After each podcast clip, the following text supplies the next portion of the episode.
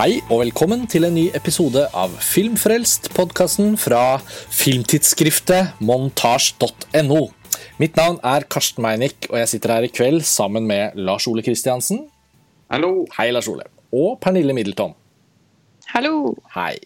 Vi sitter nå eh, på Skype, og vi skal ta opp det som er den tradisjonelle Oscar-podkast-episoden, som inneholder våre tips og håp om hvilke filmer som da skal vinne Oscar for filmåret 2018. Og Oscar-utdelingen er jo da fire dager unna.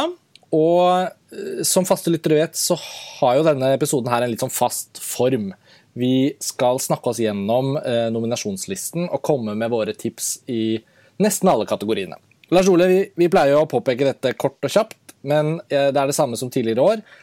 Kortfilmene, altså beste live action kortfilm, beste animerte kortfilm og beste dokumentarkortfilm, de eh, tar vi ikke med i denne gjennomgangen. Rett og slett fordi hvert år viser det seg at det er tre kategorier hvor det er veldig vanskelig å rett og slett vite. Eh, fordi det er vanskelig å få sett filmene. Og derfor sløyfer vi dem i år igjen. Ja. Men eh, vi hadde en episode om denne Oscarsesongen før jul, Lars Ole. Og vi, vi må nesten erkjenne her at uh, vi gikk litt hardt ut der i Los Angeles. Uh, uh, selv om vi allerede da påpekte at det har vært en litt underveldende Oscarsesong, eller ser ut til å bli en litt underveldende Oscarsesong, så kalte vi jo den episoden liksom Oscarsesongen del én. Fordi vi håpet og regnet med å følge opp med flere deler. Hvorfor, hvorfor ble det liksom ikke noe mer av det? Nei, altså man mistet gnisten, rett og slett. Altså På vårt mest ivrige har vi jo laget en tre-fire episoder i løpet av Oscarsesongen. Eh, og i fjor eksempel, var det jo på tross av veldig underveldende vinnere en kjempespennende eh, sesong å følge, bare fordi det var så utrolig mange bra filmer eh, som, som, var nominert i forskjellige kategorier. Fra Dunkerque og Blade Runner 2049 til Phantom Thread og I, Tonya og Call Me By Your Name. Altså, det var jo helt overveldende. I år not so much. Eh, og sesongen har jo på en måte bare blitt verre og verre for hver uke som har gått. og i løpet av de par siste månedene så må jeg bare innrømme at jeg har mistet egentlig fullstendig interessen for årets Oscarsesong. Jeg syns det er en eneste stor vits alt sammen. og eh, for første gang har jeg på en måte vurdert å ikke gidde å sitte opp og se på det showet, faktisk. Jeg skal undervise dagen etterpå. Det er veldig tungt å, eh, å gå på jobb etter å ha sett eh, et, Men Og så har jeg blitt bakfull på å være så gretten, så jeg har nok likevel bestemt meg for at jeg skal eh, sitte og se showet sånn som jeg har gjort de siste 18-19 årene. Ja, Men... eh, Pernille, Lars Ole, takk for denne gang. Det var en hyggelig episode. Vi høres igjen. Nei da. Ja, det, det... det var surt, altså, men, men, jeg, må jo si det. Jeg, jeg kjenner jo også at uh, jeg har veldig lite å melde uh, i denne episoden her, kjenner jeg. Vi får se. Det er en kickstart, det lover godt, Lars Ole. Men vi, Pernille, vi, vi, vi, tre alle vi har jo da snakket om dette selvfølgelig også da off the record under festivaler. Og, og det startet jo for så vidt i Venezia, men, men uh, vi deler jo den oppfatningen litt, vi begge to, Pernille, at det har vært et litt sånt år. Hva, det, hva, hva føler du at det er som bare helt kort gjorde at liksom uh, luften gikk ut av uh, Oscar? ja, jeg er jo veldig enig i det dere sier, da, og jeg må si at det er vel dette året hvor jeg gleder meg aller minst, tror jeg. Eh, samtidig som det kan bli mange overraskelser, så tror jeg ikke at de blir de mest gledelige overraskelsene. Eh, det er for mange filmer i år som har for mange nominasjoner som jeg ikke støtter opp om, kan jeg si. Og ja, jeg heier, heiet vel egentlig på eh, for mange underdogs til å kunne være med i race i det hele tatt, som ikke har blitt tatt med inn i varmen. Så en stor skuffelse, helt enig. Men når det er sagt, så, så, betyr jo ikke det at ikke det ikke er um, spenning i luften, på sett og vis. Og, og når vi nå skal gå gjennom uh, nominasjonene, så følger vi da, som nevnt, så følger vi den malen vi har hatt tidligere. At vi, at vi um, kommer med våre bud da, på hva vi tror kommer til å vinne, men også da hva vi håper. Og det er jo denne andre kategorien, hva vi håper at skal vinne, at vi kanskje i år i større grad enn tidligere også må trekke inn filmer som faktisk ikke er nominert, da, og påpeke i noen kategorier at her er det overraskende at ikke denne og denne filmen er representert. Så på den måten så får vi jo kanskje underveis også påpekt litt. Fordi det fins jo veldig mange bra filmer som kanskje kunne piffet opp dette Oscar-året etter vår smak, da. Det er jo kanskje noen som hører på som vil føle at det er et bra Oscar-år, og det vil være litt sånn smak og behag. Eh, og underveis så kan vi også kanskje komme litt inn på at selve akademiets eh, arbeid med liksom å fornye Oscar har jo hatt så mange snubletråder underveis i år at det har gjort det litt sånn parodisk. altså Selve arrangementet fremstår jo også litt som en vits. eh, Men det, la oss ta en såpeopera ja, eh, ja. fra start til slutt. Vi tar det kanskje underveis. Nå var det ikke programleder, nå skal det eh, et eksperiment hvor det for første gang ikke er en Oscar-host. Ja vel, hvorfor skal det være noe bra? Jeg tror ikke det er første gang det har skjedd før, men det går rykter om at det er en overraskelseshost, da. så vi får se om de Ja, jeg så den Skulle det være Whoopi Goldberg? Var det... ja, det var noen ja. som hadde eh, bygget opp en litt sånn velfundert teori om at det faktisk antageligvis kanskje er Whoopi Goldberg. Men jeg foreslår, at vi, jeg foreslår at vi begynner med kategoriene, og så kan vi komme inn på disse tingene underveis. For det er jo noen kategorier ja. som da utmerker seg når vi kommer til det. Um, Lars Ole, vi pleier å starte med lydklipp, lydmiks, beste sang og de type greiene der. Og innerst inne så vet jo vi begge to at det er ikke de, det er ikke de kategoriene man egentlig trenger å bruke mest tid på, men fordi det er de første kategoriene vi tar i denne episoden, så pleier vi som regel å bruke litt sånn uforholdsmessig mye tid på det. Så vi har snudd litt på rekkefølgen i år. Mm -hmm. hvem, hvem er, hvilken kategori skal vi begynne med? Beste originalmanus. Nettopp. Bestemte vi oss for. Så litt mer sånn tungtveiende kategorier fra starten av, og så så skal vi forsøke å bevege oss noenlunde raskt gjennom dette. da. Så Forhåpentligvis så kan denne praten her fungere som en slags oppvarming, da, eller nedkjøling av forventningene for alle dere lytterne der ute som skal se utdelingen. Og for de som ikke vet det, så vises den da altså på dansk TV2, en kanal som er tilgjengelig for bl.a. for Get-abonnenter. Hvis man går inn og modifiserer kanalvalgene sine, så finner man den, og da vises det da live på dansk TV. da, for Også tilgjengelig på Kanal Digital, tror jeg. Så bare så det er sagt. Men beste originalmanus. Ja, skal jeg lese opp de nominerte? Ja. De nominerte er eh, Deborah Davis og Tony McNamara for The Favourite. Eh, for The Favourite, ja. For The Favourite. Eh, Paul Schrader for First Reform. Brian Curry, Peter Farrelly og Nick Valalonga for Green Book. Alfonso Cuaron for Roma. Og Adam Mackay for Wise. Pernille, kanskje du har lyst til å starte? Ja, eh, sånn eh, hva jeg tror, eller hva jeg syns. Ja, hva du tror, og så hva du håper. Ja. Eh, den, den, største gleden i denne kategorien er jo utvilsomt eh, Paul Schrader for First Reform. Det tror jeg vi er enige alle sammen. Eh, som har definitivt det mest skjellsettende manuset av alle her. det kan nok være relativt usannsynlig at han skal ta med seg den. ikke bare fordi altså, det er den eneste nominasjonen til filmen. Den burde ha hatt mange flere. Uh, og det er jo absolutt ikke en favoritt blant noen, virker som. Ikke i noe av uh, altså, award-circuiten. Uh, men jeg har en sånn hunch på at det står mellom The Favourite og Roma. Um, de har begge ti nominasjoner og har vunnet manuspriser tidligere ja, på andre utdelinger. Um, og av de så er det definitivt best om The Favourite for den, eh, melder jeg. ja. ja. Jeg kan jo følge opp med å si at eh, Jeg håper jo selvfølgelig også på Paul Schrader eh, og First Reformed, både fordi filmen er eh, en av fjorårets beste, og, eh, og en av Paul Schraders aller beste, ikke minst. Og det er selvfølgelig en Altså, det er jo absurd å, å, tenke på at dette er Paul Schraders første Oscar-nominasjon. Det sier jo bare alt om Oscar Akademi, egentlig. Mm. Eh, at han ikke ble nominert for, for Taxi Driver og Aging Bull og sånt. Det er på en måte bare helt eh, Ja, det er deprimerende. Eh, men gledelig, da. At eh, at han omsider inviteres inn i varmen. Jeg tror da faktisk at han kommer til å vinne den prisen. Ja. Eh, det er nå engang sånn at Oscar, enhver Oscar-utdeling byr på én til to ordentlig positive, hyggelige overraskelser. Eh, nå er det vel typisk at det, at, at det heller ikke skjer da i år. Men Eh, ettersom du later til å være en slags sånn forbannelse over, eh, over hele Oscar-utdelingen i 2019. Men jeg velger å både håpe og tro at Paul Schrader får den prisen for First Reform.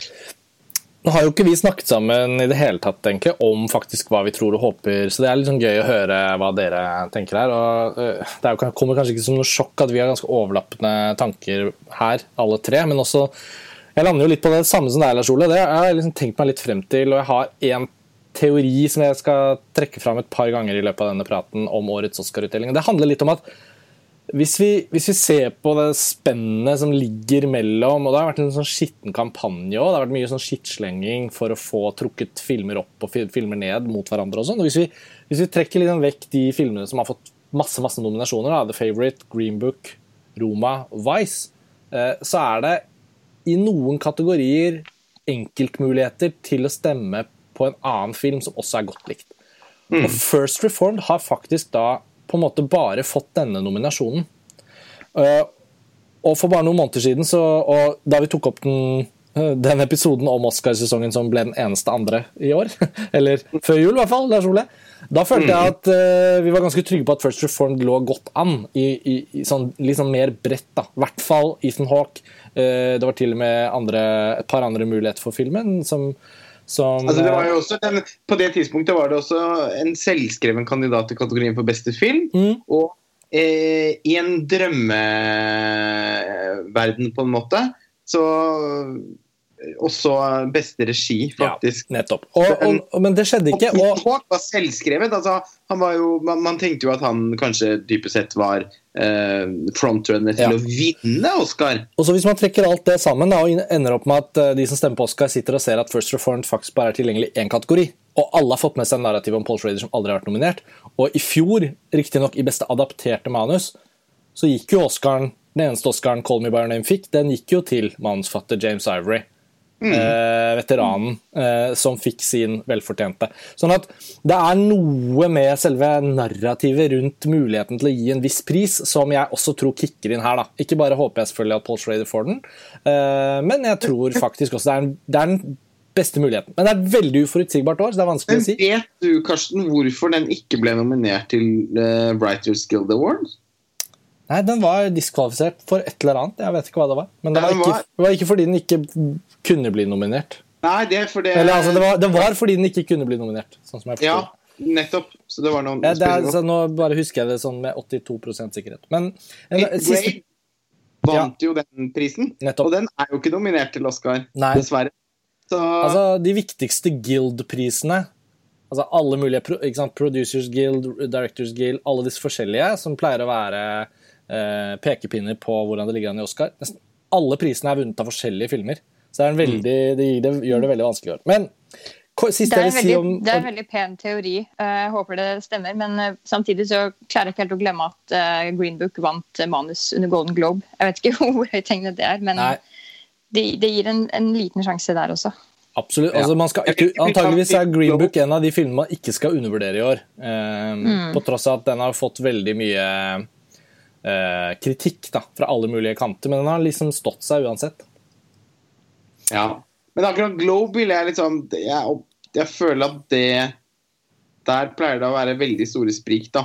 Ja. Eh, mellom Globe og Oscar. Så jeg føler jo eh, Guilds er, er, jo mer tungtveiende som indikatorer. Ja, og vi savner jo Bo Burnhams 8th grade-manus her. Og jeg syns jo mm. selve nominasjonsutvalget var veldig uinspirert. Og hadde Paul Schrader ikke fått, så hadde det jo vært eh, virkelig grusomt å tenke på. Og En annen siste ting jeg har lyst til å si før vi går over til adapterte manus, var at jeg også kjenner litt at filmer som Green Book og Vice, da, som er veldig sånn biografiske fortellinger om personer som levde, til en viss grad også The Favourite, som tross alt hvert fall er basert på historiske figurer.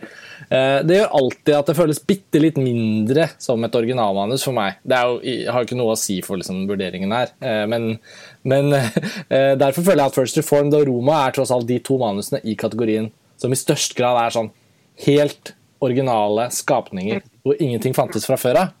Um, så uh, selv om jeg har mine innvendinger mot den filmen, så hvis det skulle vært noe annet enn First Reformed, så må jeg si at jeg faktisk hadde faktisk foretrukket at det da kanskje var, var enten Roma eller The Favourite. Da. Og The Favourite er en film jeg liker bedre, så da ville jeg kanskje endt opp med det. Og Cuaron får jo Det er ingen tvil om at han får en Oscar. Natt til Nei, mandag. jeg opplever, også, jeg opplever også The Favourites med mye mer manusdrevet film enn Roma. ja, det er sant. Altså, det er replikker fra The Favourite som kommer til å bli sitert, og, og folk er jo veldig opptatt av liksom Ja. ordgyteriet, da. Um, ja, men for den er jo snappy, altså, det snappy skrevet. Det kan man jo ikke akkurat si om Roma. Uh, nei, det er ikke det, det, er ikke det som er er den filmens største styrke. Det viktigste her er vel uansett at ikke det går til Vice, tenker jeg. Vi er ganske enige om. Ja, og han, han, tok jo den, han tok jo nøyaktig denne prisen her for The Big Short. Adam McKay han var jo nominert for regi og manus den gangen, og han tok manusprisen. Og da, jeg, jeg tipper det lander på at han har på en måte fått sitt. Jeg blir veldig overrasket og skuffet hvis han får den. Ble han nominert for regi for The Big Short? Ja, det ble han. Er, er du sikker? Ja, jeg er usikker. Jeg har det foran meg. Oh, oh, oh. Så han Ja. er, eh, han er jeg er eh, Så på i løpet av de to filmene har han fått fem, fem Oscar-nominasjoner. han fått, Og én pris. Ja. Nei, la oss uh, Mer enn Paul Schrader, si. Over til neste kategori, da. Beste adapterte manus. Ja, Vil du lese opp? Er Cohen-brødrene for The Ballad of Buster Scruggs. Spike Lee, David Rabinowitz, Charlie Wachtel og Kevin Wilmot for Black Landsman. Nicole Holofencer og Jeff Whitty for Can You Ever Forgive Me. Barry Jenkins for If Bill Street Could Talk. Bradley Cooper, Will Feathers og Eric Roth for A Star Is Born. Ja. Uh, ja, Pernille. Ja, I denne kategorien så har jeg faktisk en skikkelig ekte favoritt. Og for meg i år så er det Barry Jenkins uh, med If Beale Street Could Talk. Uh, jeg syns den var milevis over Moonlight, for å være ærlig. Og den er helt klart den mest eh, rørende filmen i denne kategorien. Nå har ikke jeg sett Can You Ever Forgive Me. Eh, jeg forstår ikke hva The Ballad of Buster Scruggs gjør her. Eh, Jeg syns Black Landsman var en tilgjengelig og ålreit film, men ikke noe som jeg tenker at skiller seg ut på manussiden, egentlig. Og Star Is Born eh, syns jeg også er litt overraskende at er her, eh, for å være ærlig. Fordi det er en, en veldig fin bruksfilm, men ikke en sånn Ikke en historietung eh, film, på en måte. Så Morsomt oppsummert om Black Landsman. Den var tilgjengelig og grei. Ja, men den er, den er Ja, ja, jo. grei. Jeg koste meg med Black Landsman. eh, å være nå men løftet opp som en så liksom radikal og viktig og stor Spike Lee-film, så er det jo virkelig noe av det mest sånn strømlinjeformede han har laget. ja. Den har jo nesten ingen kanter som Spike Lee sine filmer alltid pleier å ha. Jeg er helt enig med deg, Pernille, at eh, jeg syns jo ikke manuset i den filmen var noe sånn spesielt eh, imponerende. Nei, og selv om det er veldig, veldig, veldig gøy hvis Spike Lee vinner, og jeg unner han det, selvfølgelig, så mener jeg at det er i så fall for feil film. Eh, man kan ikke drive og trekke inn sånn 'burde vært det og det og det', fordi det er forbi. Men jeg blir ikke sur liksom, hvis Spike Lee vinner en Oscar nå, men samtidig syns jeg ikke at det er helt korrekt i denne kategorien. Nei, jeg vil se en eh, Jeg tror jo den vinner, da. Black Man's Man. Og jeg vil glede meg over å se Spike Lee på den scenen med en Oscar. Jeg skulle enda mer likt å se han med en Oscar i en annen kategori, da. Eh, fordi han først og fremst er regissør snarere enn manusforfatter. Men, eh, eh, men den jeg faktisk da håper på, er Selv om jeg syns det vil være morsomt å se Spike Lee ta imot den prisen, så er jo den jeg av disse filmene Blant de filmene her jeg har sett. Eh, jeg har da ikke sett If Bill Street Could Talk. Så eh, så syns jeg Can You Ever Forgive Me har det beste manuset. Det var en vidunderlig, eh, underholdende og eh, og ganske sånn vittig og, og klok liten film basert på en sann historie som eh, jeg som jeg likte mye bedre enn jeg hadde forestilt meg. Jeg visste heldigvis veldig lite om hva den filmen handlet om eh, på forhånd. Og vet ikke egentlig hvorfor jeg kanskje eh, hadde Altså, det var ikke det, Jeg møtte den heller ikke med noen negative forventninger. Jeg hadde bare liksom ikke eh, helt registrert at filmen hadde fått så varm mottagelse. Det eneste jeg hadde fått med meg, var at Melissa McCarthy etter sigende gjorde en veldig god rolleprestasjon og uh, var blant favorittene til å bli uh, Oscar-nominert, og ble jo også da Oscar-nominert for den. Uh, men jeg ble litt sånn Jeg vet at vi hadde veldig samme opplevelse, Karsten. Mm. Uh, den, den, er min uh, det, det, er den filmen jeg synes fortjener å vinne prisen her. Men som sagt, har jo ikke sett Hill Street Good Talk, da, så jeg har jo egentlig ikke Ja. Min mening veier jo i så måte mindre. For det er åpenbart at det er en at det er en veldig bra film. Jeg tror, eh, jeg tror, jo at Black Landsman står veldig sterkt her. På et eller annet tidspunkt så kommer den filmen til å få en Oscar. Og hva det er eh, akademiet gir til Black Landsman, det, det, vil jo vise seg. Den er jo en underdog faktisk til å, til å plukke noen gjeve priser. Eh, fordi den oppfyller liksom I et år hvor mange sikkert syns det er vanskelig å stemme, så tror jeg den kommer til å gjøre det ganske bra. Um, jeg kan være kjapp med mine. Uh, jeg er nok litt sånn enig i at jeg, at jeg håper Håper litt på Can You Ever Forgive Me. Også litt fordi hun Nicole Holofcener eller Jeff Whitty altså de, Hun er jo regissør, og hun skulle egentlig regissere filmen. Uh, og etter at Julianne Moore trakk seg fra å spille rollen som senere gikk til Melissa McCarthy, så, mm. så, så kollapset prosjektet, og så kom det på bena igjen, og da ble det ikke henne som regisserte det. Og jeg leste bare tilfeldigvis en sak om at det var veldig sånn downer for henne. da. Så nå som filmen ble noe av det fortsatt var hennes manus som ble filmatisert, så er det en opptur at hun, hun, får være med på den reisen og den suksessen filmen har eh, opplevd. da. Ja. Og hun har jo, hun har jo strevd, der, strevd der nede på independent-filmgulvet i så mange år, så det hadde vært hyggelig for henne å få den honnøren. Jeg tror, jeg tror også at Barry Jenkins eh, Jeg må innrømme at jeg syns Eve Beale Street Talk, og den har vokst litt på meg mange måneder siden jeg så den. Jeg vet ikke, jeg bare syns um, mm, Jeg syns også det hadde vært en verdig vinner. Men jeg, jeg syns det er veldig vanskelig å si hva jeg tror, altså hva som er den faktiske favoritten i år. Men det, ja, jo, jeg føler det er helt overlegen av Black Landsman. Tror du det? Dette men altså, hva med Stories Born? Er det ikke dette som er muligheten til å gi Bradley Cooper en Oscar? Nei, nei, ikke snakk om. Det er nei? Black Landsman. Det er her okay. den får en pris. Den kommer okay. ikke til å få noen andre pris. Altså, den kommer jo ikke til å få pris for beste regi. Det skjer ikke. Den kommer ikke til å få pris for beste altså, skal vi komme tilbake til da. Ja. Dette er kategorien hvor den får sin pris. Okay. Er, jeg føler det... meg mest sikker på i løpet av hele kvelden. Dere hørte Lars Oles ord, så får vi komme tilbake når utdelingen er over og se om han fikk rett. Vi får gå videre til neste kategori beste animasjonsfilm. Det er så gøy at den kategorien kommer tidlig. Jeg er fornøyd med at vi har snudd litt på arket og, og startet i en annen ende. Eh, de nominerte filmene, hvis jeg kan ta oppgaven denne gangen, det er The Incredibles 2, De utrolige to. Um, Isle of Dogs av Wes Anderson. Incredibles 2 selvfølgelig regissert av Brad Bird. Og så er det tre filmer jeg da ikke har sett. Uh, en film som heter Mirai. Og så Ralph Breaks the Internet. Og til slutt Spiderman Into the Spider-Verse. Ja, altså dette er jo på en måte da en av kveldens morsomste kategorier. Fordi her er det jo de tre, eh, tre, De tre filmene jeg har sett her, er jo alle veldig, veldig bra. Eh, jeg Det er ingen tvil om at jeg heier på The Incredibles 2 her. For meg var det en Altså en av fjorårets beste filmer. Og en triumf for Brad Bird. Eh, det er jo en oppfølger hele verden har ønsket seg i eh, veldig, veldig veldig mange år. Altså At det skulle ta så lang tid. Eh, den, den første filmen kom i 2003.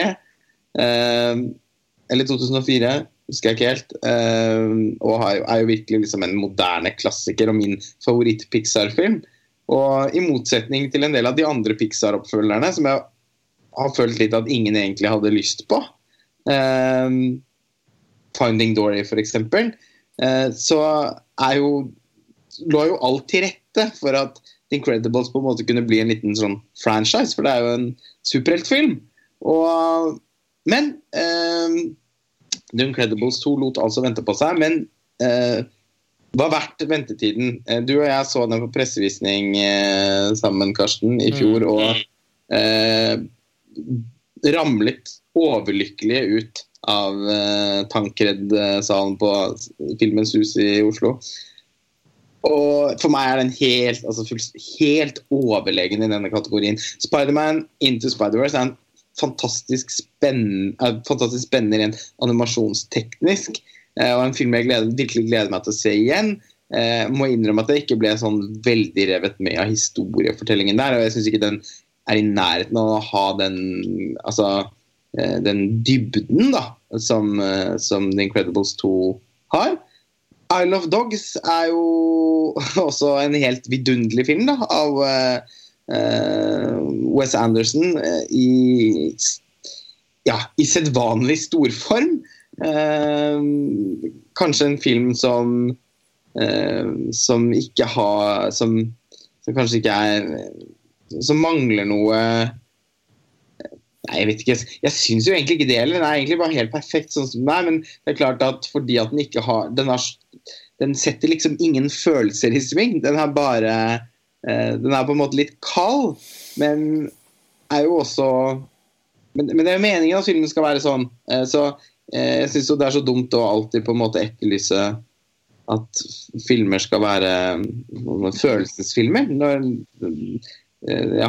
Det, så den, jeg vet ikke hva jeg skal Men, men når det, mm. når, det er jo likevel et godt stykke opp fra Eller nå er I Love Dogs har jo ikke Den kommer ikke til å bli stående som en av Wes Andersons aller beste filmer. Og han fikk jo faktisk Han fikk jo på en måte sitt, han, for Grand Budapest Hotel. Han er jo ikke noe sånn overdue lenger. Så Eh, Brad Bird har vunnet prisen flere ganger før. Så eh, ja. Ja. Det var en lang jeg, runde du tok der, men hva ender du på? Nei, ja, selvfølgelig. Du håper altså, Utrolige to, selvfølgelig. Ja, men tror Spiderman Into Spider-Verse, fordi det er den store Sightguist-filmen. Nettopp. Har du sett den, Pernille? Ja, jeg har sett den. Jeg har vel sett jeg har sett de samme tre som dere, tror jeg. Eller i hvert fall det, Lars Ole. Jeg har ikke sett Mirai og ikke Ralph Breaks Internet. Hva, hva lander uh, du på, da? Uh, Lars Ole oppsummerte egentlig mye av det samme som jeg tenker. Uh, jeg syns også at Incredibles 2 var helt utrolig. Um, og er den mest kreative, fine, altså fylt med fortellerglede av alle de som er her. samtidig så har jeg begynt å merke at det er mange som løfter frem Spiderman Into the Spider-Verse og tror at den kommer til å vinne. Også mye fordi at det er, handler om en så folkeskjær figur som mange har et forhold til. og Den er fortalt på en veldig sånn ny og frisk måte, og jeg likte den utrolig godt. Den er som du sa, Lars Ole, utrolig spennende eh, visuelt. Den er ikke så veldig konvensjonell i animasjonen sin. Så jeg blir faktisk eh, ikke lei meg i det hele tatt hvis Spiderman vinner her. altså. Jeg kjenner at det, det er en del av meg som heier en del på den, egentlig. Men uh, jeg tror det blir Incredibles 2. Ja, det er helt motsatt. Eh, nei, jeg føler meg så trygg på at Spiderman Into Spider-Verse kommer til å vinne den prisen. Det er og at det er en sort hovedkarakter. Altså en sort sånn, det er veldig i tiden, da. Så den eh, Den har liksom på en måte fått en slags sånn politisk dimensjon nå, som jeg tror kan hjelpe den. Og bare at den føles så på en måte litt sånn nyskapende. Eh, men jeg syns jo på en måte ikke manuset for eksempel, så er jo ikke i nærheten av det Brad Bird uh, holdt på med. Men uh, det er noe så. Jeg kan jo oppsummere veldig veldig kort med at jeg også syns Incredibles 2 er en herlig film. En film jeg hadde størst glede av uh, som bare sånn sprudlende opplevelse av de to jeg da har sett. Men jeg syns Isle of Dogs var utrolig bra. Den er bare så snål. Og jeg endte opp med å se den to ganger på Berlinalen i fjor. Og jeg må innrømme at jeg da har valgt meg den fordi du sier at Wes Anderson har fått sin due. Det er bare fordi han har fått nominasjoner. Har fått, dette er hans syvende Oscar-nominasjon, og han har ikke vunnet noe. Og jeg syns ikke det hadde vært feil om Wes Anderson fikk seg en Oscar. Han kan gjerne få den nå. Eh, og Brad Bird har allerede. Når det er sagt, så har jeg også, le jeg har også lest spådommene Jeg har også lest spådommene og fulgt med på racet, så jeg tror at Spiderman Into the Spider-Verse vinner. Men jeg er lei meg for at jeg ikke har sett filmen og kan komme med en mening om den. Men ja. Så da du vet hva? Er, nå er det jeg som begynner å bli kalka her, fordi jeg Du har et bilde i hodet ja. av West Anderson på scenen som mottar en Oscar? Ja, altså jeg fikk med at han vant, fikk manusprisen ja, for eh, Grand Budapest Hotel. Men det gjorde han jo ikke. Filmen Nei. vant fire Oscar, men ingen av de ble jo Nei, Alle takket West Anderson. ja. Nei, men greit, Karsten. Altså, det, jeg hadde hatt veldig stor glede av å se Wes Anderson. Jeg, syns det hadde vært morsommere å se han ta imot sin første Oscar enn Brad Bird ta imot sin tredje, eller noe sånt noe. Ja. Men, eh, men jeg syns Incredibles 2 er en bedre film, da. Vi, vi, vi kan gå videre til neste kategori. Um, uh, nå kommer vi til beste kinodokumentar. Og der er det jo vanligvis sjel, veldig sjeldent at vi har sett alle fem filmene. Men uh, vi har kanskje sett noen av dem. Eh, jeg kan lese opp de nominerte. Hale County, This Morning, This Evening. Of Fathers and Sons. Free Solo. RBG og Minding the Gap. Um, jeg kan jo begynne denne gangen. Jeg har sett to av filmene. Jeg har sett RBG, som handler om den svært populære og høyt respekterte av liberale høyesterettsdommeren Ruth Bader Ginsburg i USA. Den er en sånn uh, super mainstream, trivelig kinodokumentar som man bare heier frem når man ser den. Og så har jeg sett Minding the Gap, som er sånn mini-mesterverk. Poetisk, fantastisk gripende vennskapsskildring. Den har jeg nevnt flere ganger. Jeg hadde den på topplisten min for 2018. Og jeg håper naturligvis at Minding the Gap eh, vinner. Det virker helt utrolig at den liksom er nominert, for det er sånne filmer som jeg alltid tenker at folk sitter og klager over at ikke er nominert. Så for å gi litt honnør til årets utgave, så, så syns jeg Minding the Gap er en ekstremt velfortjent Oscar-nominert dokumentar. Eh, og siden jeg da ikke har noe bedre grunnlag til å vurdere de andre, så, så ser jeg jo liksom at eh, det er den jeg må heie på. Men fordi jeg har lest da litt om uh, hvordan det ligger an, så er det veldig høy sannsynlighet for at denne Free Solo, om han fjellklatreren som klatrer uten sikkerhetstråder opp en helt sinnssyk fjellvegg, uh, og som har gjort det ekstremt bra, tjent masse penger og fått masse oppmerksomhet, uh, det er veldig sannsynlig at den tar hjem Oscaren. Litt sånn som Man on Wire gjorde i sin tid. da. Så det er mine to stalltips her. Pernille? Jeg må innrømme at det har vært skikkelig dårlig i år. Jeg har ikke sett noen av de. Så ja, det er vanskelig Ja. å si noe. Ja, dessverre. Ja, det er fair, det. Da kan vi Jeg kanskje hoppe sett, til deg. Eller eh, Nei, jeg har heller ikke sett noen av de nominerte, men jeg har registrert at Free Solo er en frontrunner. Og gleder meg veldig til å få sett Minding the Gap. Ja, og i uka etter Oscar-utdelingen, dvs. Si neste uke, da er det jo en eh, dokumentarfilmfestival i Oslo, Human, eller Human, eh, som bl.a. skal vise Minding the Gap. Og jeg vet at Free Solo også er i en slags sånn der eh, ledd for ledd, visning til visning-aktig distribusjon i Norge, faktisk. Så, så den kommer jo til å Jeg så at den ble vist eh, Ja. flere ganger på Oslo kino Ja. denne uka. Ja, jeg la merke til det, ja. Så den er jo mulig å se. Og RBG kommer tilbake til Norge på Kosmorama, vet jeg. Så, så det er jo ikke sånn at disse filmene er helt utilgjengelige. Så kanskje skal man bruke da selve Oscar-oppmerksomheten til å velge seg ut noen dokumentarer og få sett. da. Og til slutt så kommer de jo selvfølgelig på strømming. og Minding the Gap er på Hulu i USA, denne tjenesten som eh, en og annen person vet å bruke med VPN. Men utover det så, så er det stalltipsene hittil. Eh, vi får gå videre til neste kategori, og den er jo litt sånn ekstra spennende i år. da. Beste ikke-engelskspråklige film. Pernille, kanskje du har lyst til å lese opp de nominerte? Det kan jeg. Eh, der har vi Capernaum, eh, Cold War, Never Look Away, Roma og Shoplifters. Og nå tenkte jeg med en gang at jeg burde kanskje sagt hvilket land de er fra. også. Du må ikke. Eh, nei, men eh, jeg kan jo gjøre det. Kapernaum er jo fra Libanon, Cold War er fra Polen, Never Look Away er vel tysk, jeg har ikke sett den. Eh, Roma, Mexico og Shoplifters, Japan. Så det er de nominerte. Ja, hvem vil begynne? Lars Ole? Ja. ja, jeg kan eh, Det er ingen tvil om eh, at den filmen jeg håper at skal vinne, er 'Shoplifters'. Eh, men, eh, men den er jo, selv om den vant Gullbanen i Cannes og Hirokazu Koredas kanskje beste film eh, og, og han er jo en større filmskaper enn noen av de andre nominerte her, tenker jeg. eh, Med et mulig unntak av Alfonso Cuaron. Men, eh, han, men den er jo da ikke i nærheten av å være favoritt.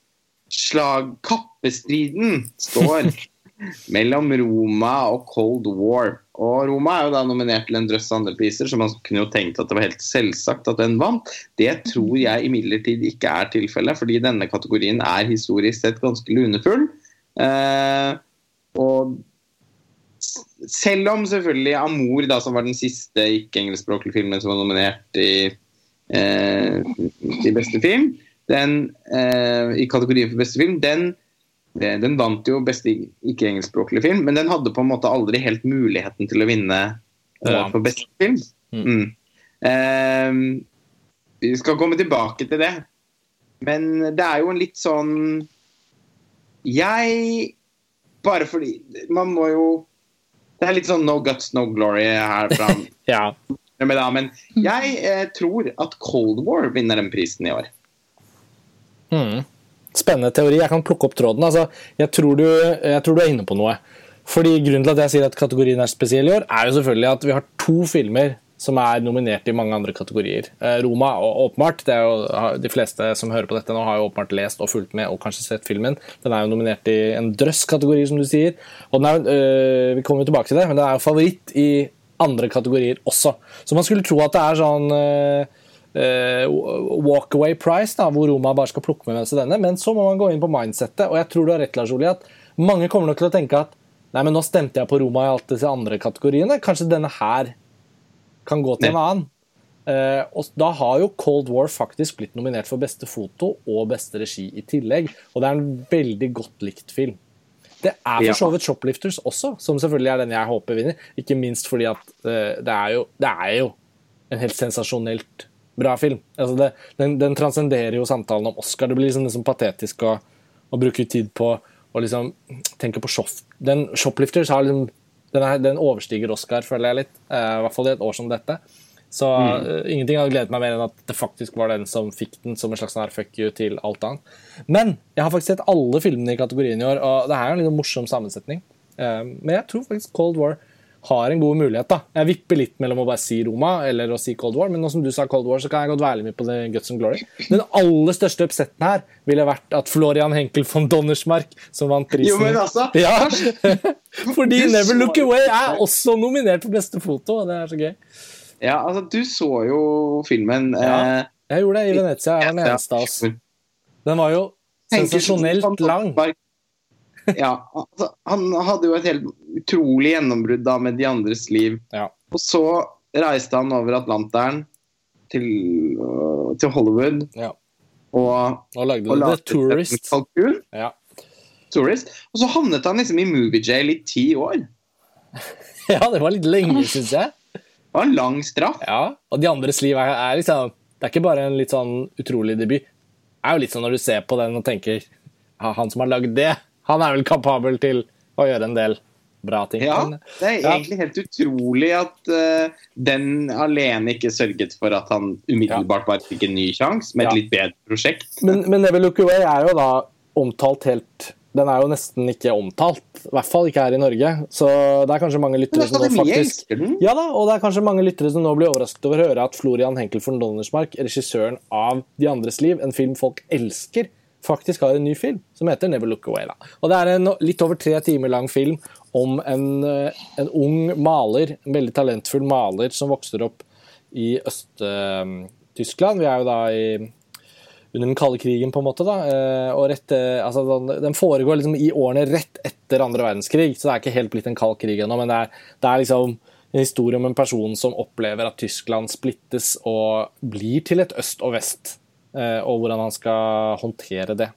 Og han, eh, Under andre verdenskrig så blir hans eh, kjære tante, som lærte han å elske kunst, hun blir ført vekk av nazistene fordi hun regnes som psykisk ustabil. Og det var også veldig mange mennesker fra, fra psykisk altså fra behandlingsinstitusjoner for psykisk syke og sånn, som også ble liksom bare tatt til side og ført vekk. Eh, med, med, jødene og med romfolket og alle disse andre som også havnet i konsentrasjonsleirer. og Sånn Sånn at hans utgangspunkt er en traumatisk opplevelse fra andre verdenskrig. Og så følger vi hans eh, liv egentlig da, som en ung voksen og etter hvert mer voksen mann.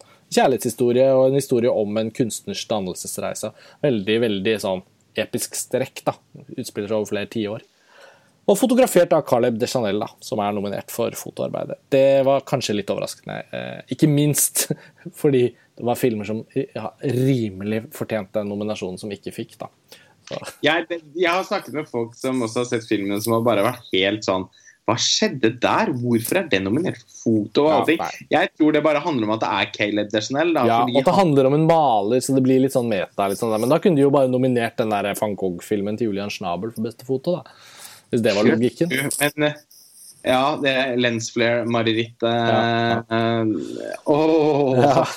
Så, dårlig den filmen er. Men, uh, men ja. den kan Nå snakket jeg litt mye her, men det var bare for å påpeke det. er jo på en måte virkelig en sånn fotolegende. Jeg har også alltid fått inntrykk av at han er veldig spesifikt veldig stor innad i fotografmiljøet. Ja. At han har vært liksom mentor for mange, og at han er en veldig godt likt person. Så altså, kjenner han jo alle. Han gikk, på, han gikk på filmskolen i Los Angeles sammen med George Lucas. Uh, altså, han er liksom fra den generasjonen. Kom seg inn i fagforeningen fordi Steven Spielberg ga han en jobb, et prosjekt som aldri ble noe av.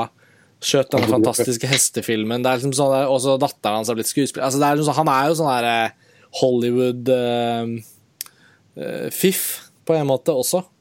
Den fantastiske hestefilmen, ja. Black Stallion. ja, ja, Carol Ballard, er det han heter?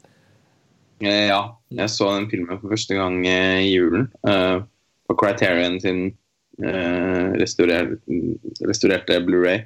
Og ble bare helt fullstendig slått i bakken. Det er en av de største filmopplevelsene jeg hadde i hele fjor. Så uh, Men da, nå er vi nesten over på fotokategorien. Vi får spare det til vi kommer dit. Ja. Nail. Altså, Pernille?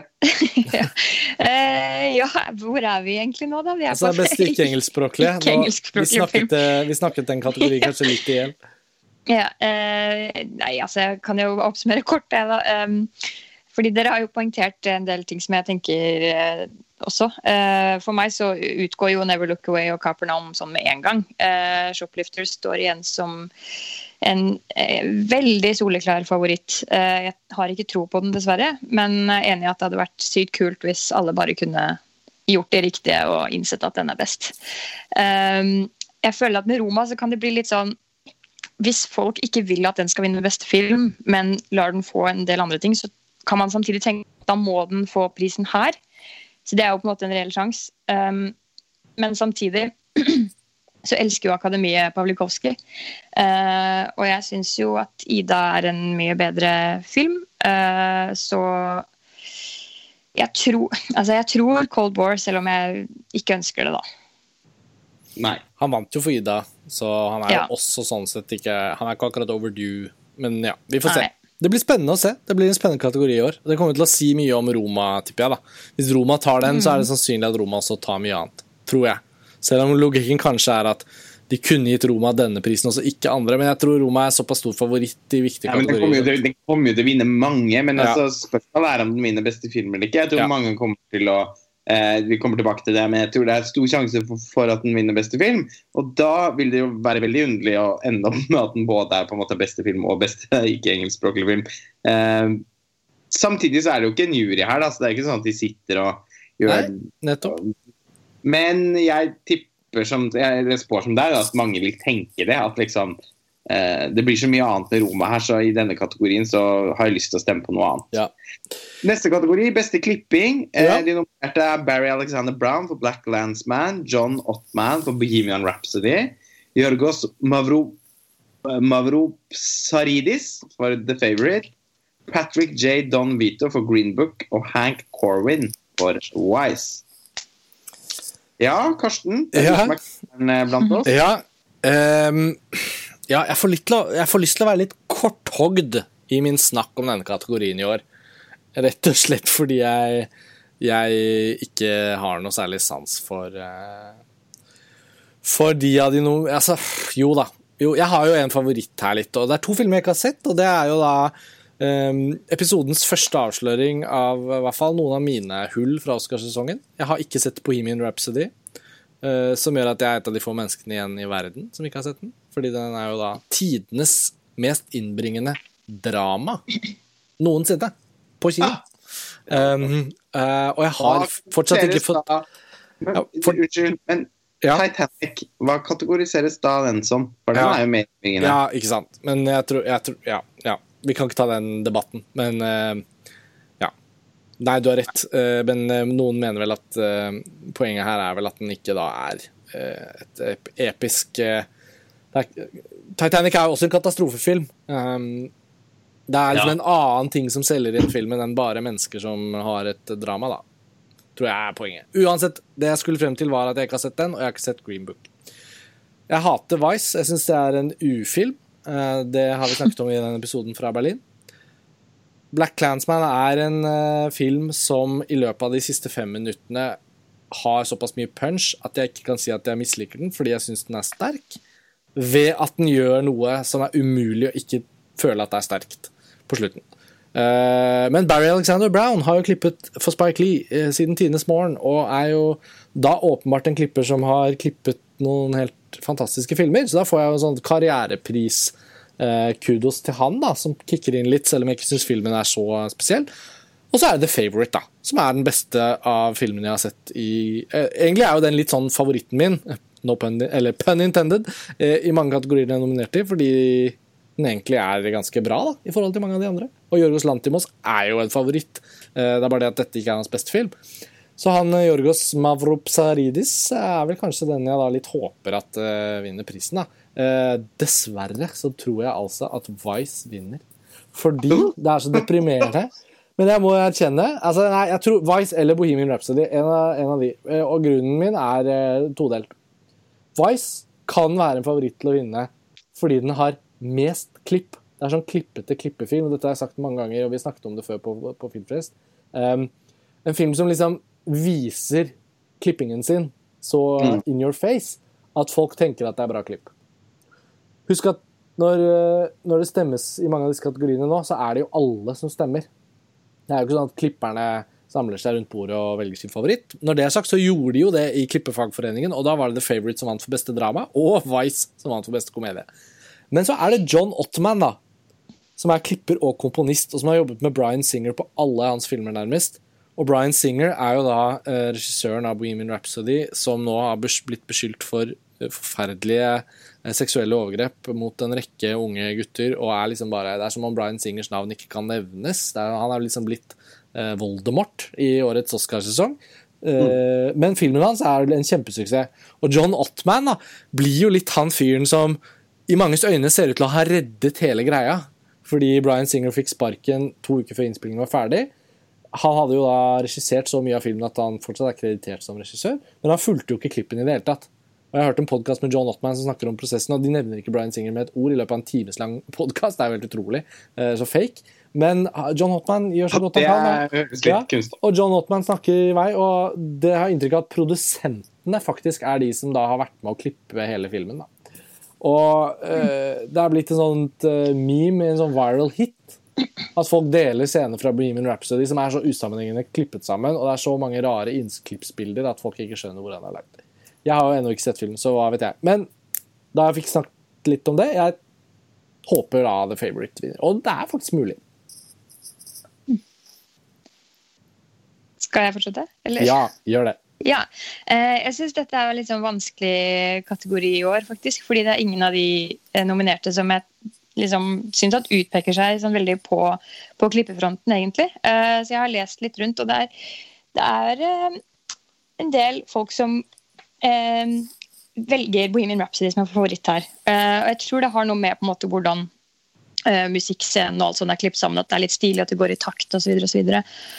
Og ja, det, det underbygger jo på en måte en viss stemning, men samtidig så er jo ikke det Det var ikke noe jeg faktisk tenkte over da jeg så filmen, men det er ikke noe jeg klarer å tenke når jeg ser tilbake på den heller. Eh, jeg har en liten hunch på Black Landsman, rett og slett fordi at eh, jeg håper og tror at det blir en av de få prisene den filmen kanskje får. Eh, jeg syns den har et generelt kult uttrykk. Ikke at det nødvendigvis er hovedsakelig pga. klippingen, men fordi Altså, ja. Jeg syns den eh, var kulest, da, rett og slett. Mm, Um, Men altså, men da skjønner jeg helt, fordi Måten du omtalte den filmen på i stad, kontra Jeg trodde du var mye mer begeistret for The Favourite enn det. som film er jeg mer begeistret for The Favourite, ja. Men altså, nå mente jeg da kritikken mot, mot, mot Black Clansman i stad var mer det på manus og storyen, kanskje. da. At, uh, at den hadde litt sånn konvensjonelt uttrykk der. Men den har jo på en måte noen sekvenser som peker seg ut, som er litt stilig visuelt. da. Uh, eller ja, i en klippesammenheng. Ja. ja, altså jeg er ikke uenig i det, men uh, Også litt fordi at jeg vil at den skal få et par priser, på en måte. Uh, I dårlig selskap. ja, ja, ja. Jeg er enig i det. Altså Jeg håper nok uh, på Barry Alexander Brown da, for, den, for Black Landsman som en karrierepris, enkelt og greit. jeg er enig med Karsten i at jeg syns at The Favourite har den det var en film hvor jeg eh, i større grad aktivt satt og liksom nøt klippingen. Fordi den har noen veldig sånn herlige overganger. Og, og, det er i det hele tatt en film med veldig mye sånn musikalitet i filmspråket sitt. Så, eh, og jeg syns det er den beste filmen blant de som er nominert. Men, eh, men her må jeg rett og slett bare jeg, jeg håper nok likevel faktisk da på Spike Lee sin sin klipper. Jeg tror at eh, John Oppman vinner for Bohemian Rhapsody. Han har av mange vært ansett for å være forhåndsfavoritt. Så, så det bare velger jeg å tro på. Jeg har jo i likhet med Karsten ikke sett filmen, utrolig nok. Eh, men den ja, Jeg har ikke noen god forklaring på hvorfor. I utgangspunktet var jeg ikke så interessert i å eh, se den eh, på kino. Det var en film jeg tenkte at jeg kommer til å se på, på video, på en måte, eh, om, om, noen måneder. Det var jo lenge før filmen viste seg å bli så, et så stort popkulturelt fenomen og eh, vinner av Golden Globe for beste film. Og en av de store Oscar-filmene det, det føltes jo helt fullstendig usannsynlig ut da filmen hadde premiere. Så har jeg selvfølgelig på en eller annen måte hatt mange sjanser til å se den på kino etterpå, men så har jeg likevel endt opp med å hele tiden prioritere andre ting. Så nå angrer jeg bittert på det, da, for det er jo kjempekjedelig å ikke kunne um, jeg, når jeg klager så veldig på at jeg syns denne Oscarsesongen er så uengasjerende, så er det jo klart at jeg må jo ta meg litt i det at uh, det handler kanskje litt om at det, er, at, at det er flere av filmene jeg ikke har sett. da. Uh, samtidig så uh, har jeg vanskelig for å tro at jeg kommer til å elske Bohemian Rhapsody. Men, eh, men ja, jeg skal møte den med et åpent sinn eh, når den kommer på video. Neste kategori, beste foto. Ja, den kom vi jo litt inn på i stad, da. Carleb Caleb de Chanel er nominert for 'Never Look Away', sammen med Lucas Zahl for 'Cold War'. Og da Alfonso Cuaron for 'Roma', Robbie Ryan for 'The Favourite' og Matthew Libatique for 'A Star Is Born'. Pernille, kanskje du har lyst til å starte denne? Eh, ja. Eh, det er jo mange som eh, løfter frem Cuaron som forhåndsfavoritt her, fordi altså igjen, det med at den er storfavoritt i så mange ting, og det er første gang han skyter selv, og det som er kult med at hvis han faktisk vinner denne fotoprisen, så blir jo han den første regissøren som vinner en fotopris, hvis ikke jeg tar helt feil. Uh, så Da vil jo han på en måte lage historie, og det er fett for mange, det. Og han. Uh, men min definitive favoritt her er The Favourite. Uh, også fordi det er den første nominasjonen til Robbie Ryan, og det er den som ser fetest ut. den er eksperimentell på sin måte i, med tanke på hvilken tid den er satt til. og bare Den er rett og slett ren fryd for øyet. Så hvis man skal tenke på disse filmene sånn rent fotomessig, så syns jeg den utpeker seg spesielt. Um, mens uh, Ja, nå har jeg jo ikke sett 'Never Look Away', så jeg kan ikke uttale meg den. Og så er selvfølgelig foto i Cold War uh, veldig vakkert. Det er noe av det beste ved filmen. Uh, men samtidig så den ikke i nærheten av Ida, så jeg syns ikke at uh, det er denne som skal vinne foto av Pavlikovskij sine filmer, på en måte. og 'Star Is Born' er heller ikke en sånn film hvor jeg tenkte noe særlig over foto, må jeg, må jeg være ærlig. Selv om Mathieu Lebatic er en veldig riktig fotograf. Så ja, det var mine umiddelbare tanker. Mm. Han, Naturlig er jo best når han skyter på 35 mm eller 16 mm. Eh, og altså eh, A Star Is er skutt digitalt. Eh, og og, og han, Liberty gjør aldri inntrykk på meg når, når han skyter digitalt, så det gjelder også for denne filmen. Syns det er ut, egentlig utrolig merkelig at den er nominert, men uh, her er jeg i hvert fall ikke i tvil om hvilken film jeg heier på. I likhet med Pernille så er det jo det Robbie Ryan for The Favourite. Og Robbie Ryan er en av verdens beste filmfotografer som har gjort fantastiske ting for Andrea Arnold og Ken Loach i mange år. Uh, og som endelig er nominert. Uh, for et helt fantastisk arbeid i The Favourite. Så, så det er ingen tvil om at, om at han er den jeg heier på. Og morsomt, liksom. Et inspirert samarbeid òg. Kult at uh, Jorgos Lantimos, som jo til vanlig jobber med Timios Bakatakis, mm. valgte Robbie Ryan for, Eller valgte å prøve ut han. Uh, det ble veldig vellykket favoritten her er jo Det kan ikke være tvil om at det er Alfonso Cuarón for Roma. Da. Jeg tror han vinner den prisen. Altså Det er en av kveldens sikreste priser, faktisk. Jeg føyer meg litt til det, Lars Ole. og vi, nå, nå, begynner jo de tingene vi har snakket om å flette seg inn i disse kategoriene vi kommer til. Men det er ingen tvil om at Eh, beste ikke-engelskspråklige film og beste foto, kanskje særlig de to kategoriene, vil være med å si noe om i hvor stor grad Roma kommer til å ta hjem mange priser. Og da kanskje aller mest beste foto. For jeg tror hvis Kvaran får for beste foto, da ser vi at eh, Romas De som elsker Roma, og som syns den filmen fortjener mange priser, de har eh, vært i flertall. Og da tror jeg vi kommer til å se det forplante seg. da. Litt sånn som det har skjedd med tidligere år. altså Um, det var litt sånn vanskelig å si med Shape of Water i fjor. hvor den, ja, for da skjedde da, ikke sant? da var det motsatt. Og så likevel kom den tilbake. Pris pris etter pris, ja. og så likevel beste film. Ja.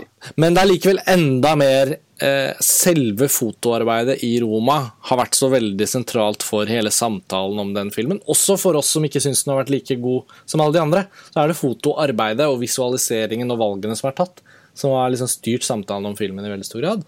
Um, så jeg tror det kommer til å kicke inn her òg, da. Og jeg tror også at Cold War faktisk er den konkurrenten her som, eh, som, eh, som faktisk snuser på Cuaron. Og det handler mye om at Lucas Zahl f.eks. vant American Society of Cinematographers pris da, foran ja. mange av disse andre. Det er jo, verdt å tenke over Lucas Zahl og Robbie Ryan er jo de her som har skutt på film, da, mm. og ikke digitalt. Mm. De fleste vinnerne fra de siste ti årene er, er jo faktisk Eh, har jo skutt digitalt. Ja, den 'Never Look Away', vet, har du sjekka det? Fordi Det er en utrolig vanskelig film å si hvordan den Den har så klassisk uttrykk at det er helt umulig å si fra hvordan den ser ut. Nei, ja, det har jeg ikke. Eh, jeg skal sjekke det, bare så vi har nevnt det ja. digitalt. Digitalt, ja. ja. Ari Alexa, som får det til å se ut som film. Det er sånn film som bare ser ut som uh, Ja, den ser ikke ut som det ene eller det andre, da. Den ser bare sånn uh, ja periodekorrekt ut, på en måte. Ja. Um, vi får bevege oss videre. Jeg syns jo da selvfølgelig også Robbie Ryan Nå sa jeg ikke det, men det er den jeg håper vinner, da. Uh, som dere andre. Um, ja, beste produksjonsdesign. Yes, de nominerte er Black Panther, The Favourite, First Man, Mary Poppins Returns og Roma. Uh, kan jo, her kan jeg bare begynne, egentlig, med å si at jeg håper at The Favourite vinner. Det er den mest visuelt imponerende av de uh, filmene for meg. Ikke minst hva gjelder iscenesettelsen. Uh, jeg Altså, jeg tror Black Panther vinner, jeg. Uh, ja, det tror faktisk jeg òg. Jeg hadde den, den var på en måte ganske sånn det er, det er, en film jeg ikke har noe til overs for, men som jo strengt tatt har noen litt sånn morsomme eh, Altså, Wakanda er jo, har jo noen litt sånn artige eh, renda.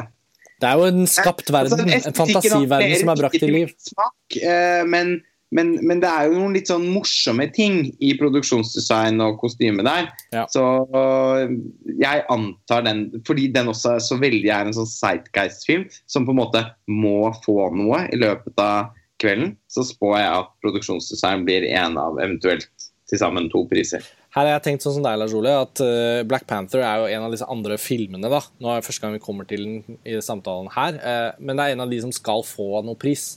Og jeg er Ja. helt enig med deg. Jeg tror produksjonsdesign, når vi kommer til det når vi skal snakke om kostyme, der tror jeg Black Panther har en reell mulighet. da. Jeg, eh, jeg syns alltid det er trist at eh, produksjonsdesign og kostyme som regel er sånne kategorier hvor det da ikke nomineres kontemporære filmer. Eh, Jeg syns alltid det er så jævlig teit og synd at ikke man kan sette pris på, på filmer som, som foregår i vår tid, men som har gjort eksepsjonelt arbeid i den forstand. Jeg må innrømme at det er veldig rart at If Beale Street Could Talk ikke er nominert her. En film, eh, For så vidt også en periodefilm, da, men den er bare så mm. Den ville vært, eh, tror jeg, litt min favoritt ut ifra filmer som kunne få nominasjoner. Um, Det er- men, men det er så rart, akkurat som man må liksom, man må liksom ordentlig, man må ordentlig langt tilbake i tid. ja, for eller at- inn i en fantasiverden. Ja, fordi sånn som I, Tonya i fjor, da, som hadde helt fantastisk kostymedesign og Må, er et periodedrama. Eh, men 90-tallet det var åpenbart heller ikke langt nok tilbake da.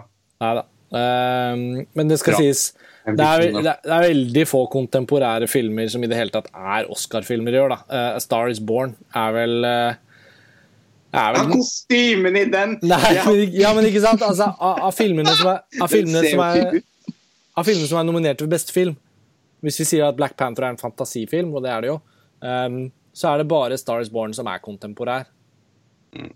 Alle Ja, og den er ser ikke ut en måned siden, i hvert fall. Det er en veldig sånn Så party. produksjonsdesign eh, jeg, jeg tror Black Panther vinner, og jeg får også bare håpe på The Favourite. Jeg har faktisk ikke, ingen jeg helt håper på her. Jeg syns First Man var ganske sånn anonymt eh, dritbra lagd, selvfølgelig, men også litt sånn uten, uten den edgen som gjør at man liksom føler at det er, det er noe der. Eh, så det, ja, Pernille. Ja, eh, her er jeg faktisk veldig enig med deg, Karsten. At eh, jeg hadde håpa på at eh, If Beale Street Could Talk skulle være med i ligningen. Fordi jeg syns den definitivt er bedre enn alle disse på, i akkurat denne kategorien.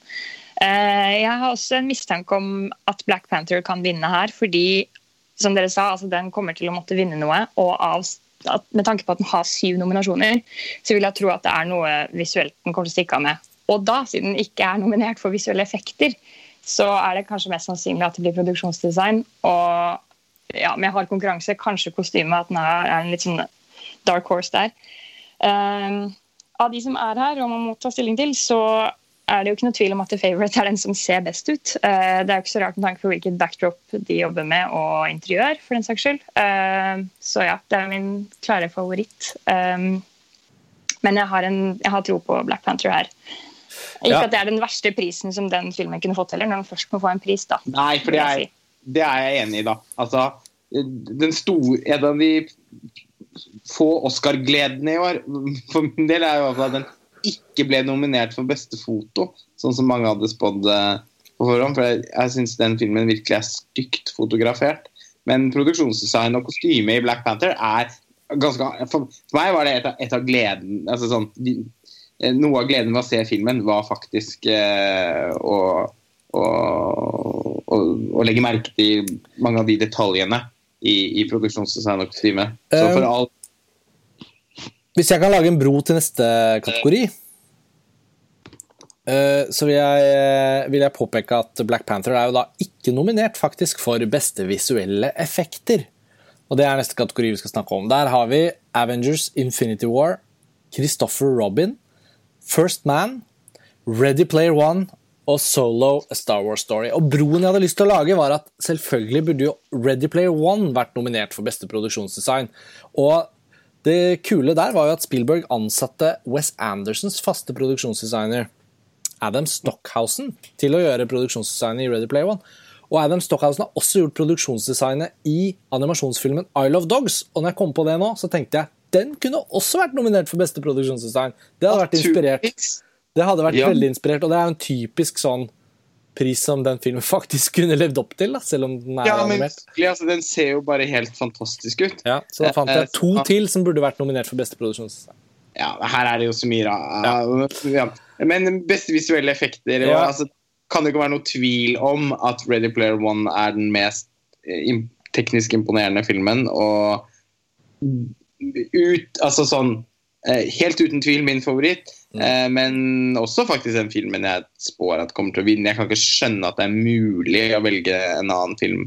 Nei. Hvis man har sett den The Shining-sekvensen i Ready Player One, så kan man jo ikke avse den. Og Nei. da er det ikke mulig å stemme på noe annet. Nei, og For å gjøre det kort på den kategorien, jeg er helt enig med deg. Jeg syns den er helt overlegent den beste av disse fem nominerte. Jeg har ikke sett Christopher Robin, jeg har sett de andre. Um, Den er altså i- i- usebar. ja, ok. eh, Men, vil men, si. og Avengers Infinity War er jo på en måte bare effekter, så da føler jeg da kan den heller være nominert til beste animasjonsfilm. Hvis man skal, altså sånn. First Man er jo da sånn, sånn sømløse effekter, men også litt sånn Det er noe med First Man i all sin vellagethet er jo en film som har bare Som ikke har blitt viktig for noen, av en eller annen grunn. Det var ikke det for oss da vi så den i Venezia. Og den var ikke det for publikum da den på kino, og den var ikke det for Oscar-akademiet. Men ingen finner så veldig mye direkte dårlig i den. Den bare er litt sånn uspesiell. Også Solo og Star Wars Story er veldig bra. Det er Star Wars-film, og alt ser bra ut sånn som det skulle gjøre. Men Ready Play One er jo den eneste filmen der som bruker visuelle effekter for å faktisk virkeliggjøre en historie. For å fortelle den historien. Og for å Ja, skape jo- de overgangene. Den er jo helt sensasjonelt. da. Det er Ja jo da. eh, så virkelig sånn oppfinnsomme, til dels nyskapende eh, effekter. For meg å ikke gi den den prisen blir jo på en måte som å ikke gi spesialeffektprisen til Avatar det året den Ja, det er litt samme. Eh, men Pernille, hvis det, nå, liksom. hvis det nå er Christopher Robin som står øverst på din liste, så Jeg skulle akkurat til å si at det er, det er jo ikke så veldig spennende at det ikke blir noe krangling her, fordi jeg er jo enig igjen. Eh, Det er, det er jo finnes ingen over. Altså, Ready Play One er den beste her. Jeg har ikke sett Solo, eh, og jeg har ikke sett Christopher Robin. Eh, Men Avengers Infinity War er en joke i mine øyne. Jeg kan ikke fatte at den, den kan ikke vinne. Det er jo ikke vanlig at en superheltfilm vinner i denne kategorien heller uansett. Uh, Så helt soleklart Ready Player One. Når det er sagt, så hvis det ikke skulle vært den, så hadde jeg heller ikke blitt lei meg hvis First Man vant. Fordi, si hva man vil om den filmen, at ikke den sitter igjen så mye og, og så videre. Men månelandingen, jeg elsket det. Så Mm. Men er det så vanvittig Satt du liksom og gispet et pusten av spesialeffektene i den sekvensen der? Eh, jeg skal ikke si at det ikke var er 70% påvirket av musikken, men Soundtracken er Soundtracket, den er ikke nominert eh, for det. det, ja, det er det er jo neste kategori, faktisk. Eh, Kan vi ikke bare gli elegant over? Beste originale filmmusikk. Eh, Pernille, det er jo vi, vi, vi, vi vil jo ikke da finne musikken til First Man. Og vi ble Nei. alle sjokkert over at den ikke var nominert. Men hvem er de fem nominerte? Det er Alexandre Desplat for Isle of Dogs, Ludvig Göransson for Black Panther, Mark Shyman for Mary Poppins Returns, Terence Blanchard for Black Landsman og Nicholas Britell for If Beale Street Could Talk. Og heldigvis er han nominert for den, og ikke Vice, for han har musikk der også. ja, jeg, jeg registrerte det samme som deg. Hva, ja, hva er favoritten av disse fem, da? Du har jo åpenbart ikke da Favoritten din er ikke nominert. Nei, og det er jo min eh, Faktisk er litt overrasket, men min store store sorg under denne sesongen er jo at ikke eh, Justin Hurwitz er nominert for First Man, som jeg syns er fj- fjorårets sterkeste soundtrack uten sidestykke. Altså, Jeg har hørt så sykt mye på det at jeg holdt på å bli gæren. Eh, eh, når det er sagt, så syns jeg jo at Desplat sin musikk i I Love Dogs er veldig fin. Som, altså, han lager jo alltid god musikk. Eh, det er ikke noe som jeg vil sitte og høre på, eh, eller som jeg syns er prisverdig. Jeg husker ikke 1% av musikken i Black Panther. Og igjen, jeg har ikke sett Mary Poppins Returns. Uh, men If Bill Street Could Talk er min favoritt av de som er nominert. Det er veldig, veldig fint og uh, emosjonelt suggererende i altså, konteksten av filmen. Og jeg bare håper virkelig inderlig at den, at den filmen vinner. Uh, Ja. Jeg, jeg følger deg på den. Jeg syns også If Beale Street Could Talk har på en måte den nydeligste musikken av disse fem som jeg har et forhold til. Jeg har vært inne og hørt litt på, på de jeg ikke har sett. Jeg husker eller, ingenting av musikken fra Black Panther fra filmen, eller Men det er jo Marvel-filmenes store problem. Er at de, eller et av de mange problemene er at det av en eller annen grunn ikke ser ut til å investeres i at musikk skal være minneverdig, eller ha noe å si. Men likevel Men- så blir det Oscar. Jeg Ja, det er, nei da, det er, jo, Altså, men det er Black Panther. Det er Black Panther. Som vant Ja for eh, La La Land. Vel fortjent. Og som har laget enda et Altså, det, det, det beste med First Man er jo soundtracket hans. og så presterer de ikke noe mer. Jeg skjønner ikke hva de holder på med. Det har jo blitt en tullekategori. I fjor også ble John Williams nominert for The Last Jedi, men ikke for The Post, som de fleste Williams-fans er enig i at er det beste han har gjort på mange, mange, mange, mange år. Hva Ja. er det de holder på med? Ja. Det, skulle, Det er så useriøst. det jeg skulle frem til, eh, Lars Ole, var i hvert fall å si at på tross av at jeg liker musikken i If Bill Street Could Talk, så er det Terence Blanchard jeg håper at vinner. Fordi jeg syns når det er såpass magert utvalg, og ingen av filmene helt kicker, og sånn, så vil jeg i hvert fall at det skal være en sånn karrierepris. Og der! altså, er det noen som er due av disse fem? Desplat har jo fått og, og sånn, og Mark Shaman har vel Nei, han har vunnet alt det andre, han. Um, så føler jeg bare Terence Blanchard uh, Bare musikken hans til 25th Hour alene, som er så sensasjonelt bra, uh, gjør jo at han burde ha en Oscar. Uh, og jeg tror til og med er hans første nominasjon. Så ja.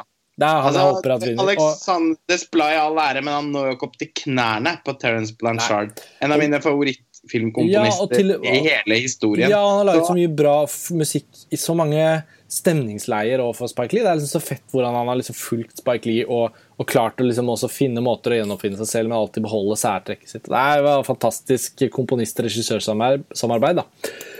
Ja, altså, Ja. Det, det ville vært kveldens vakreste øyeblikk om Terence Blanchard vant den prisen. Jeg håper han vinner, også fordi soundtracket er kjempebra. Ja, jeg jeg tror faktisk- hele filmen. Jeg tror også han vinner. Eh, altså, jeg håper og tror. Ja. Da er det deg, jeg Ole. det. for uh, jeg, jeg følte virkelig at liksom hans komposisjoner ga filmen uh, Altså fylte filmen med følelser som den ikke alltid nødvendigvis hadde. Eller Én ting er jo den slutten som du snakket om i stad, som, som er veldig effektiv, men også litt sånn tact on. Men, men Blanchard føler jeg virkelig jobber veldig hardt gjennom den filmen for å, for å få den til å til å leve, da. Mm. Eh, og til å berøre oss. Så selv om det ikke er liksom blant hans aller beste, så det, vil det være en fortjent pris og ikke bare en karrierepris. Eh, jeg må innrømme at jeg føler meg helt Jeg har ikke peiling på hvem som er favoritt i den kategorien her i år. Nei, jeg tror ikke det nødvendigvis er én favoritt. Helt. Nei. Eh, da, da får vi vel bevege oss eh, videre da, til beste sminke og hår. Ja, Eh, Der nominerte er Grensen, Mary Queen of Scots og Wise. For meg kan dette være den korteste samtalen til nå om noen kategori. Ehm, jeg håper at Grensen vinner, og jeg syns Vice er helt uh, forferdelig. Og jeg har ikke sett Mary Queen of Scots. Men jeg tror faktisk uh, det er kanskje Mary Queen of Scots som kan vinne, bare fordi at det er sånn. to dronninger på 1600-1700-tallet i England med masse sminke. Og Altså, hår. det er jo, det var, på, på en måte så hadde jo Grensen hatt en større sjanse hvis den også da var nominert for beste ikke-engelskspråklig film, hvilket man lenge trodde at den kom til å bli. Vice regnes nok av mange som en slags favoritt i kategorien. Jeg tenker imidlertid at eh, Jeg håper selvfølgelig at Grensen vinner. Og jeg tenker at den er så, Der er sminkearbeidet så markant. Og de svenskene som står bak den, har nå altså vært nominert tre ganger. Mm. Eh, er- det ikke deres tur i år? Ja, jeg Jeg håper og tror. Håper og tror på grensen. Ja. Pernille? Jeg er ganske enig i det. Altså. Jeg håper veldig på grensen, fordi det er rett og slett det kuleste valget og det mest fortjente. Selv om ikke det er en av mine favoritter fra i fjor, så syns jeg at definitivt den utmerker seg den kategorien her.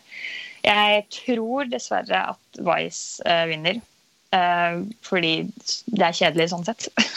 Eh, men eh, en ting sånn Hvis vi skal bare kunne nevne snubs, så skjønner ikke jeg hvorfor ikke det er en nominasjon til Suspiria her. Det skulle jeg veldig gjerne likt å se. Ja. Det skulle vært nominert i, Ja. Mange ting. i alle kategorier. si. Ja, og vi kommer jo ikke nå inn på filmer som Vox Lux engang, som også skulle vært nominert i så mange av de kategoriene vi allerede har snakket om. Men filmene som på en måte bare Akademiet på ingen måte har plukket opp, og som har bare gått under radaren, og som det blir opp til eh, fremtiden å løfte opp. og Kritikere og publikum må dyrke, og så sakte, men sikkert så stiger de opp, og så ti år senere så ser folk tilbake og tenker 'hva skjedde der'? Eh, der har vi jo sånne type filmer som dette, da. Um, men dessverre det hender at Oscar Akademi er litt på en måte litt kule, ikke sant? sånn som i fjor hvor Blade Runner 2049 fikk sitt. da. mm, Eh, på tross av at det da ikke er en Oscar-vennlig film, så, så, så evnet de liksom å se de audiovisuelle kvalitetene i den, men det har de f.eks. ikke sett i Suspiria, da. Nei. Dessverre.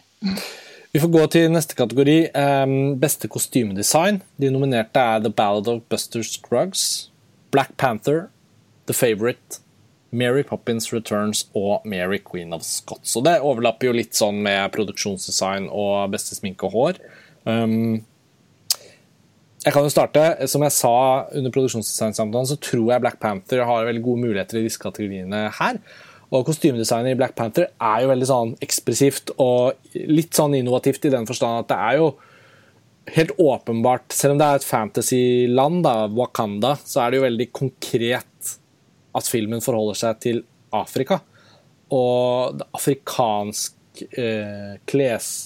Mote, trender, ikonografi Det er så mange ting som er liksom filtrert inn i inspirasjonskildene til Ryan Coogler, til kostymedesigneren osv. Som liksom har funnet, funnet, sitt, funnet sin plass i denne filmen. Da. Og jeg tror den, det narrativet der har vært en del av kampanjen til, til Disney Marvel rundt Black Panther for å få den opp og frem i flere kategorier enn en bare, bare en, noen få. Da. Så har den jo klart å gjøre seg gjeldende. Jeg tror faktisk den har gode muligheter. Hvis ikke da en periodefilm som foregår i det britiske kongehuset ta prisen, som det har skjedd så mange ganger før. Og Da har vi jo The Favourite, og da har vi Mary Queen of Scots. Så jeg vet ikke, jeg har ikke noen spesifikk film jeg håper på av disse fem. Eh, Så da tenker jeg litt at det blir kanskje Black Panther eller kanskje The Favourite. Og før man vet ordet av det, så vinner da Mary Queen of Scots bare fordi det er masse kostymer, på en måte. Ja. Jeg føyer meg til dine tanker. Jeg tror Black Panther vinner. Håper på The Favourite. Ja, kort og greit. Jeg er ganske enig. Og igjen, jeg bare fatter ikke hva Buster Scruggs gjør i det racet her. Jeg syns det er hårreisende.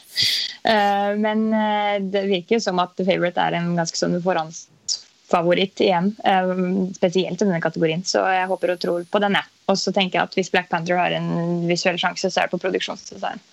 Altså, man skal jo kanskje huske på at som sagt, nå er det jo ikke en jury. da, så man, man det, det blir jo ofte sånn at filmer som har kjempemange nominasjoner, faktisk en, ender opp med å ikke få noe, noen ting.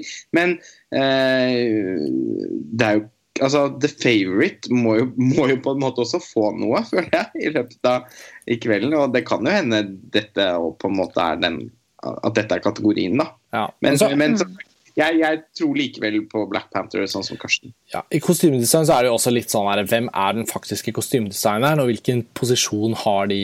Eh, og hun Alexandra Byrne, som har gjort Mary Queen of Scots, har gjort disse Elizabeth-filmene og, og liksom Hamlet for Kenneth Branagh vant for eh, en av de Elizabeth-filmene. Femte nominasjon. altså sånn. Det er noen av dem som eh, Og Sandy Powell, som har gjort The Sandy Powell er en legende. Ja, vunnet tre Oscar, og gud vet hvor mange nominasjoner. Og Altså er det 20 nominasjoner, hvem vet. Så det har jo litt med det å gjøre, da, og det gjør jo at Favourite typisk kan jo, kan jo komme opp. Og Sandy Powell er også nominert for Mary Poppins Return. Så det er eh, Ja. Det er mange sånne ting som spiller inn nå, men jeg tipper det blir Black, Black Panther. Det er en mulighet for Akademiet til å, til å gi den prisen til den filmen. Og eh, det er jo ikke, ikke Det er ikke den verste Det er jo ikke verste prisen, det, for Black Panther. Nei. En film Nei. som ingen av oss eh, hadde ansett å være Oscar-verdig da vi så den for et år siden. Ja, neste kategori, beste originalsang. De nominerte er All The Stars fra Black Panther, I'll Fight fra RBG, The Place Where Lost Things Go fra Mary Poppins Returns, Shallow fra A Star Is Born og When a Cowboy Trades His Spurs for Wings fra The Ballad of Buster Scruggs. Og EKG fra Voxlux. Ja, og da har vi vinneren. ah, ja.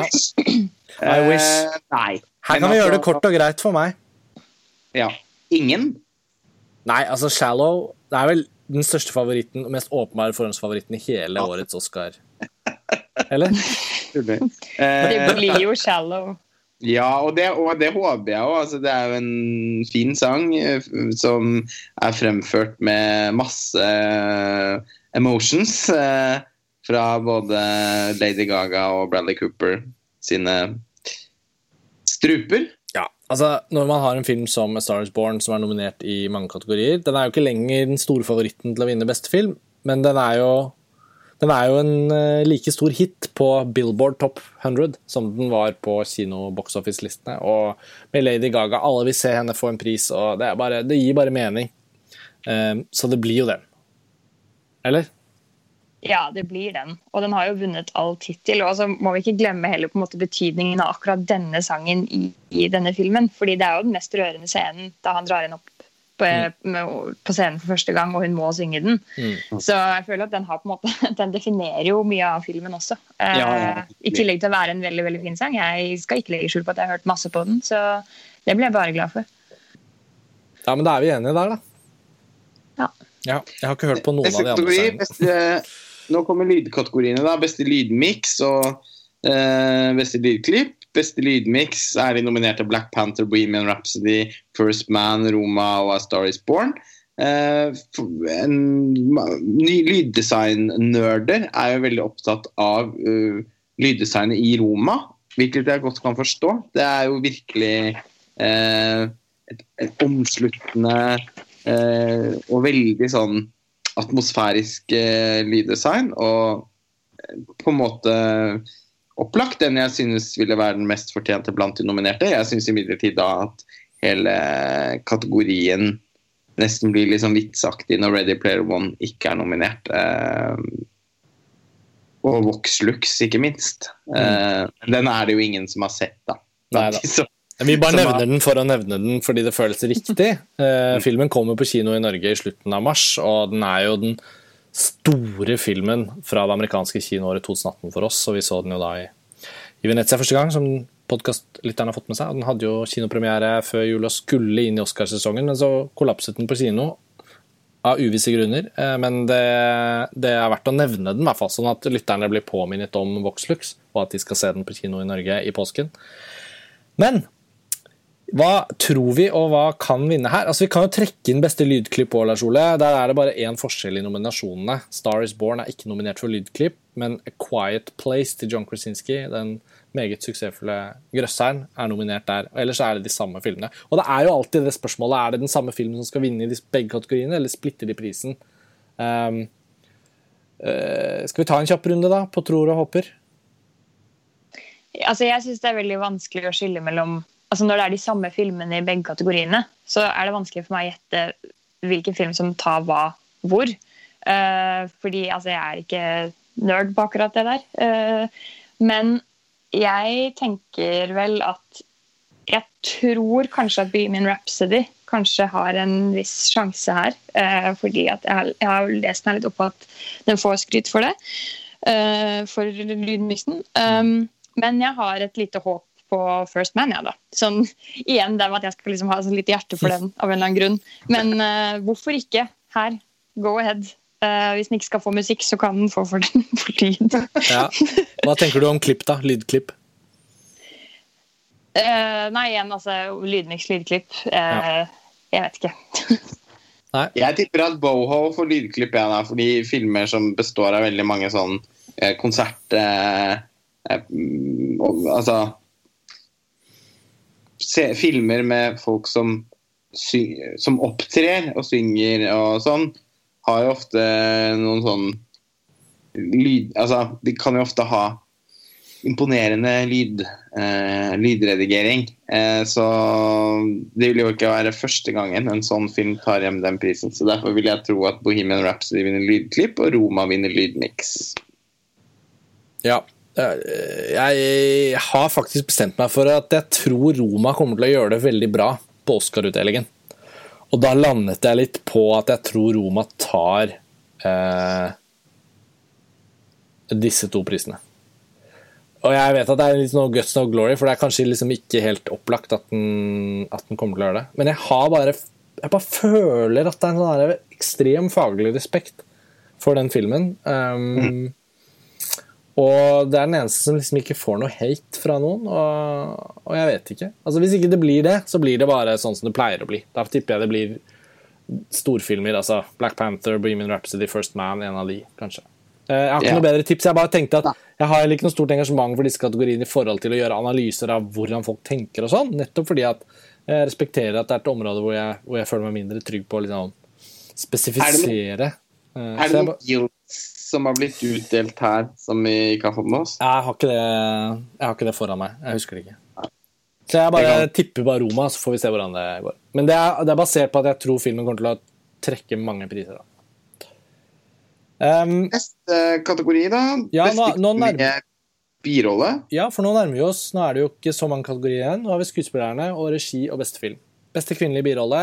De nominerte er Amy Adams for Vice, Regina King for Beale Street Good Talk, Marina de Tavira for Roma, Emma Stone og Rachel Weisz for The Favourite. Ja. Av skuespillerkategoriene så er vel dette en av de mer åpne, egentlig. Um, Ja.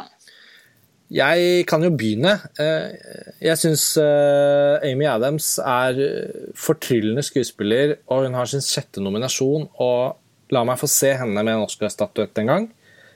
Det bør ikke bli for Vice. Hun er fortsatt så ung, så det kommer til å ordne seg for Amy Adams. Filmen er forferdelig.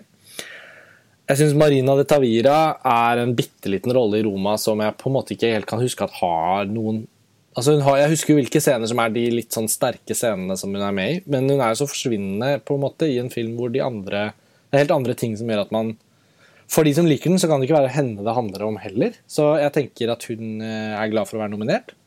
Og da sitter vi igjen med liksom disse eh, får vi si, hovedrolleinnehaverne i The Favourite, som er nominert for birolle. Emma Stone er jo hovedpersonen i den filmen, eh, og Rachel Weisz er eh, tett på. Men de er nominert for biroller, og begge har vunnet før. Så jeg tror på en måte at det slår litt tull på hverandre, og at det faktisk er da Regina King som tar denne prisen for If Beale Street Could Talk. Og jeg syns hun er veldig bra i den filmen.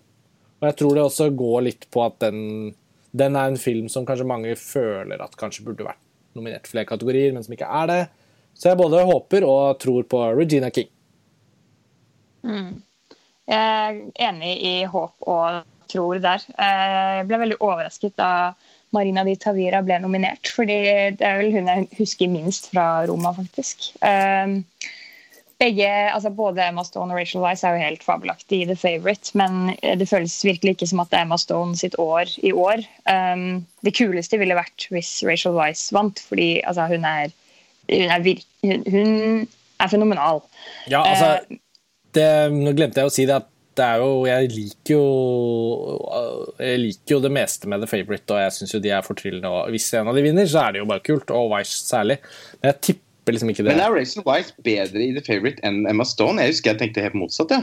At eh, Nei, ja, Nå tenker jeg bare fordi Emma Stone liksom vant en Oscar, hva var det i fjor? Eller sånn. ja, Rachel Weisz vant jo for The Constant Gardener. Ja, det er lenger siden, så da er det mer sannsynlig Ja, okay. at hun Eller ja, jeg vet ikke. Hvem vet? Jeg, jeg Nobody at jeg knows syns- anything. Ja, jeg syns det er mer sånn at det er kulere hvis Rachel Weisz vinner, på en måte. Uh, jeg synes kanskje at rollen, altså, De er flinke begge to, men jeg syns rollen hennes er en fetere rolle i filmen. Og derfor eh, hadde det vært gjevt, da. Ja. Men eh, når det er sagt, så tror jeg at det faktisk eh, blir eh, Re- Regina King. eh, noe som ikke er et dårlig valg i det hele tatt. Eh, Vel fortjent en av de sterkere rollene i den filmen eh, totalt sett. Og ja, nei, jeg har en god følelse på det, faktisk. Eh, og jeg er veldig enig med deg, Karsten, at eh, dette her er, det, La ikke dette bli Amy Adams sin gang. Det hadde vært uh, grått. Ja, kjære Amy Adams, som jeg er så glad i, men ikke for Vice, vær så snill. Eh, I motsetning til dere, da, så syns jeg jo eh, Marina jeg de Tavira var helt utrolig i Roma. Nei, jeg at- syntes at Emma Stone faktisk overstrålte Rachel Wise litt i The Favourite. Eh, og Men det var ikke det helt jeg følte jeg sa. Jeg tenkte mer på liksom selve Oscar-greia. Ikke hvem av de Ja. som var bedre, men Nei. sånn. Ja.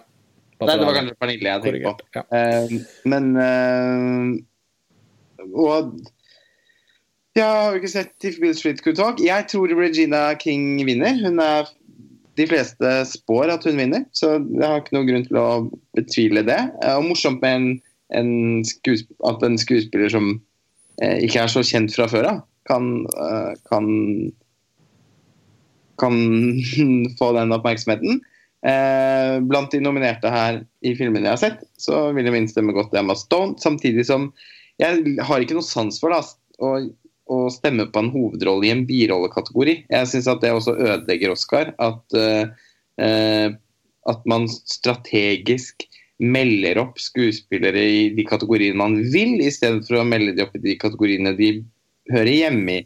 Og Mm. Olivia Colman er ikke en hovedrolle i The Favourite, hun er birollen. Hadde hun vært nominert for birollen, så ville hun sannsynligvis vunnet. Nå kommer hun ikke til å vinne, fordi det gjør Glenn Close. Så jeg, jeg skjønner ikke helt hva de har tenkt her, og det er irriterende eh, at, eh, at, at Emma Stone er plassert i birollekategorien når hun så åpenbart er filmens hovedrolleinnehaver. Ja. Skal vi ta beste kvinnelige hovedrolle, da, når vi først er inne på den diskusjonen? Ja, Ja, De nominerte er Yalitza Aparizio for Roma, Glenn Close for The Wife, Olivia Colman for The Favourite, Lady Gaga for Stars Born og Melissa McCarthy for Can You Ever Forgive Me. Lars Ole, du kan jo holde, holde ordet. Ja, her er det veldig mange altså, Her er det mange rolleprestasjoner jeg er veldig begeistra for. Uh, Melissa McCarthy var helt strålende i Can You Ever Forgive Me.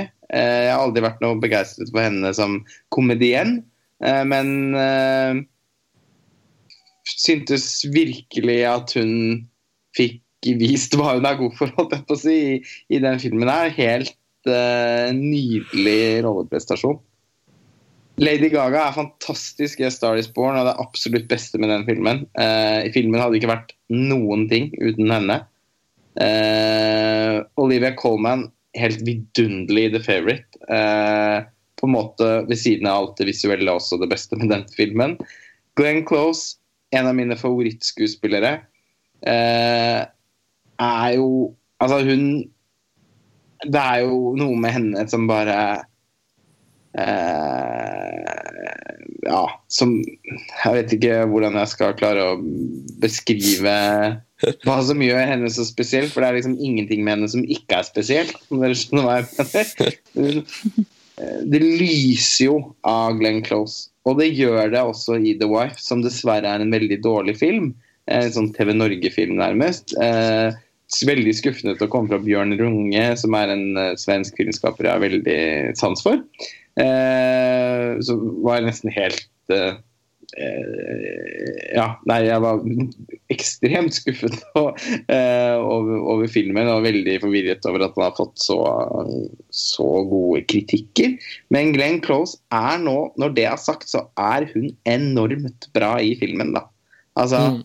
det er jo ikke hennes skyld at, at filmen er svak på nesten alle andre områder.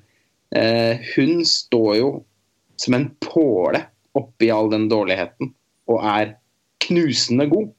Uh, ja, litt sa Paradiso gjorde ikke noe spesielt inntrykk på meg i, i Roma. Så, så, så det, hun er vel den jeg på en måte da i minst grad synes fortjener prisen.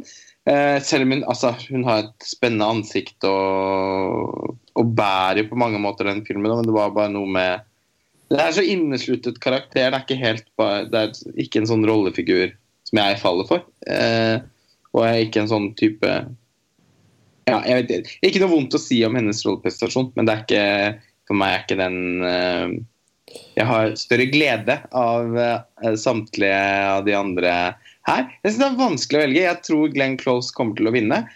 Og som en karrierepris så må jeg si at jeg også håper på det. da, Fordi jeg er så glad i Glenn. Og, og og, og, og, håper jo på en måte at dette blir hennes store øyeblikk. Selv om jeg naturligvis også tenker at Olivia Colman hadde fortjent den vel så mye, men ikke for hovedrolle, for det er en birolle. Så sånn sett så diskvalifiserer hun seg litt selv. I min, eller det er ikke hennes skyld selvfølgelig at hun har blitt plassert der, men uh, det er jo ikke en hovedrolle.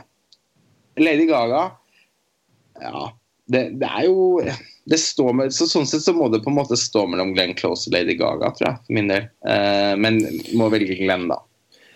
Ja, nå fikk jo, nå syns jeg du gjorde en veldig grundig gjennomgang av feltet, da. Så skal jeg bare Jeg skal ikke jeg si så mye, for jeg føler ikke at det er så mye å tilføye. Eh, jeg tror Glenn Close vinner, basert på alt som har skjedd, og basert på at jeg også syns det er en solid rolleprestasjon med veldig mye bra i seg, i en film som ellers var litt sånn frustrerende når den var dårlig. Det var ikke alltid den som var så dårlig, men det var sånne Nei bløte eh, TV-ræva ting i den som var sånn åh.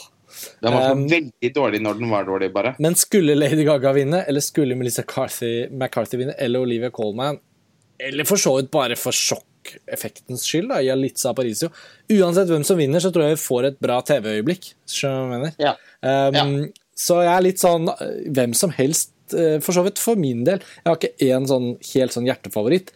Men eh, det, kanskje det er litt sånn i år at, eh, at jeg vil at mange av prisene skal bli litt sånn karrierepriser. Når man ikke helt har en film man, man eh, brenner for. Så da blir det Glenn Close for meg. Da må det bli Kaninkokeren.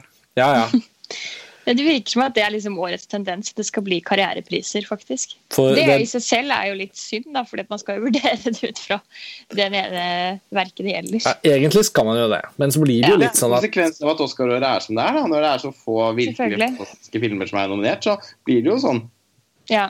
Jeg har ikke sett The Wife og ikke Can You Ever Forgive Me, men jeg tenker jo sånn umiddelbart at både Melissa McCarthy og Lady Gaga utgår. Jeg tror heller ikke at Roma kan, har en sjanse her.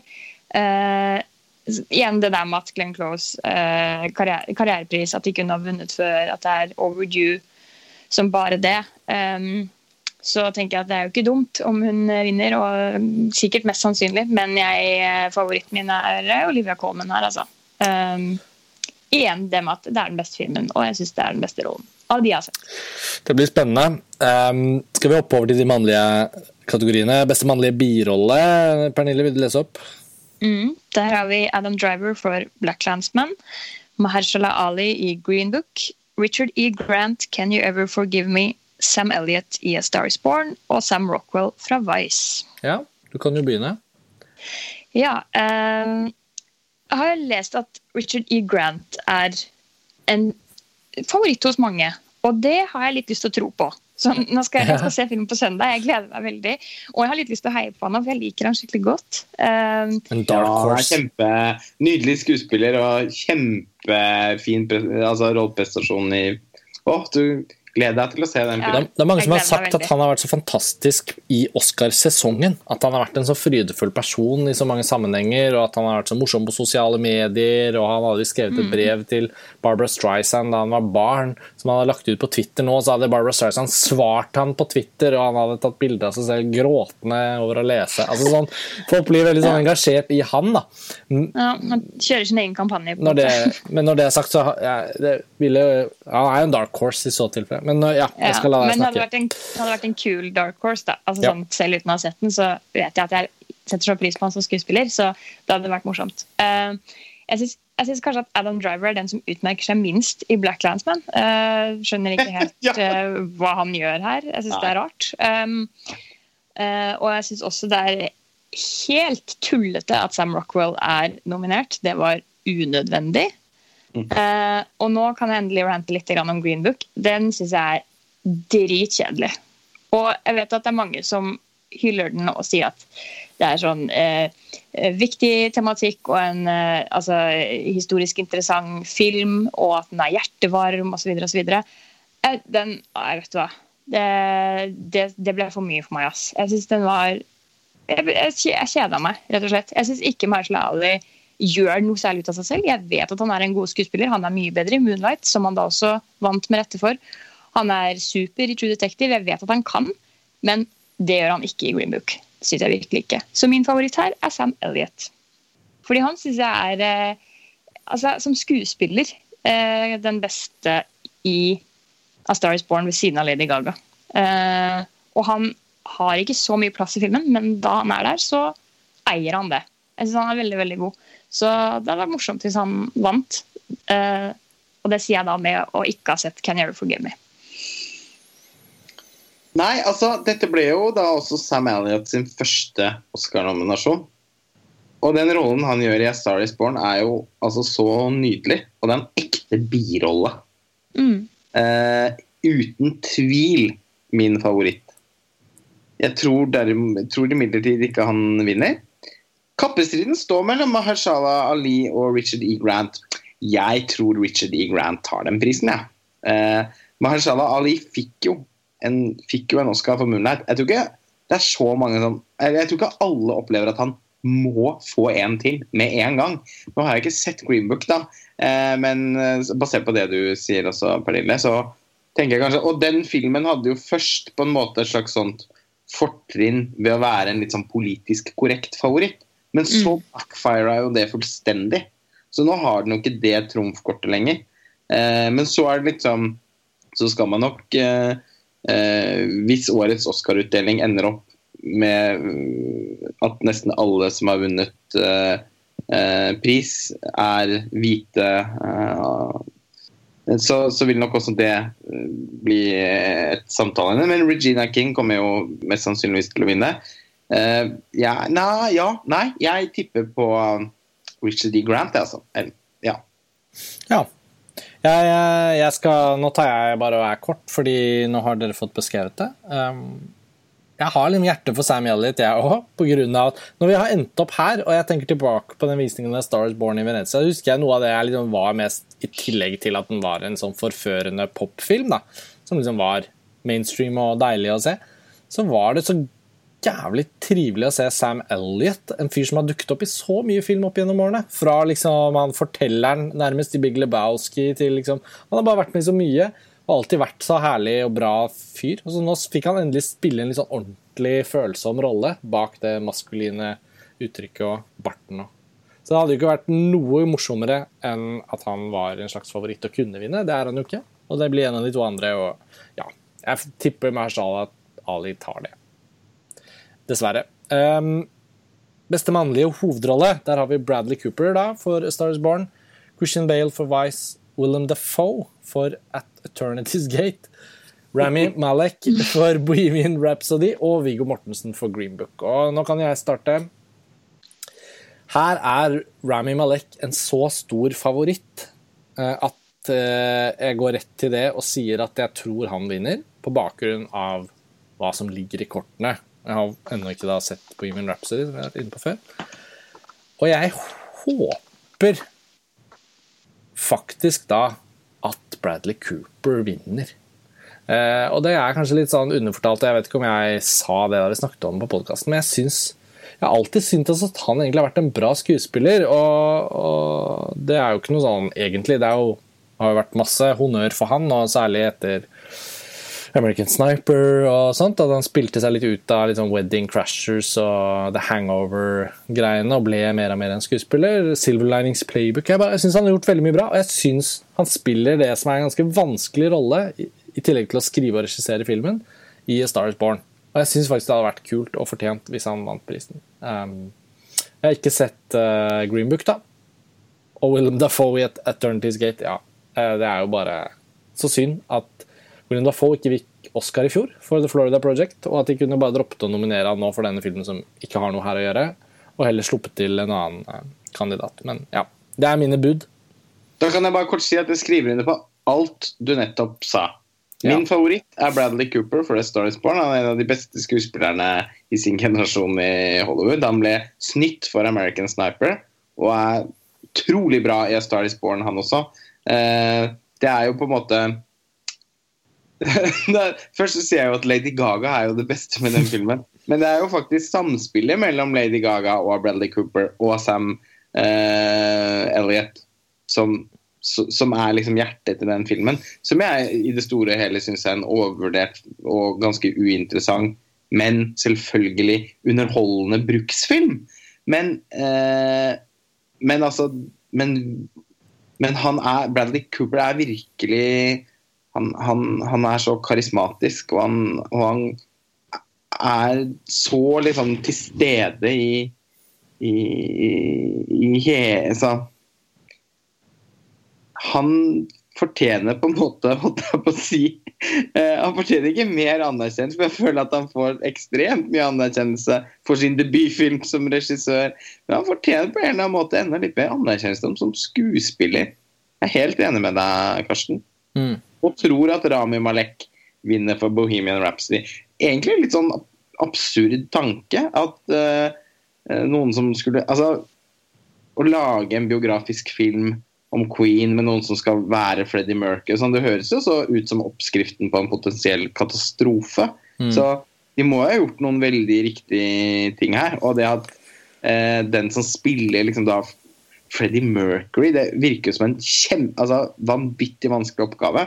Og når han da uh, åpenbart gjør det så bra, da, så, så, må jo det sies å være Du har jo sett filmen, Pernille? Mm. Ja, ja. Jo, altså Han er jo dyktig i filmen, men det er jo, det er jo også samtidig veldig flåsete. Altså Nei, jeg, jeg, skjønner nå hvor det går. Og jeg, jeg, vet at han kommer til å vinne. og må, Vi må bare innfinne oss med det, på en måte. Men uh, jeg støtter ikke jeg, jeg, stiller meg ikke bak det. på en måte. Og for meg så er akkurat denne kategorien den mest provoserende med, med, tanke på utvalget. Uh, jeg vil ikke at noen av disse skal vinne, egentlig. Uh, Viggo Mortensen er så dårlig. Og han er liksom en slags sånn fattigmanns Sopranos-skikkelse som det bare er, virker så fake. Altså Og nei jeg, Det er liksom også, bare feil casting, da? For ja, han er han, veldig fin skal... skuespiller. Ja, for det er nettopp det. Det er derfor det er så trist. Fordi han er jo egentlig en god skuespiller, og derfor gjør det ekstra vondt når han er dårlig. da. Jeg var jo ikke noe begeistret for Captain Fantastic heller.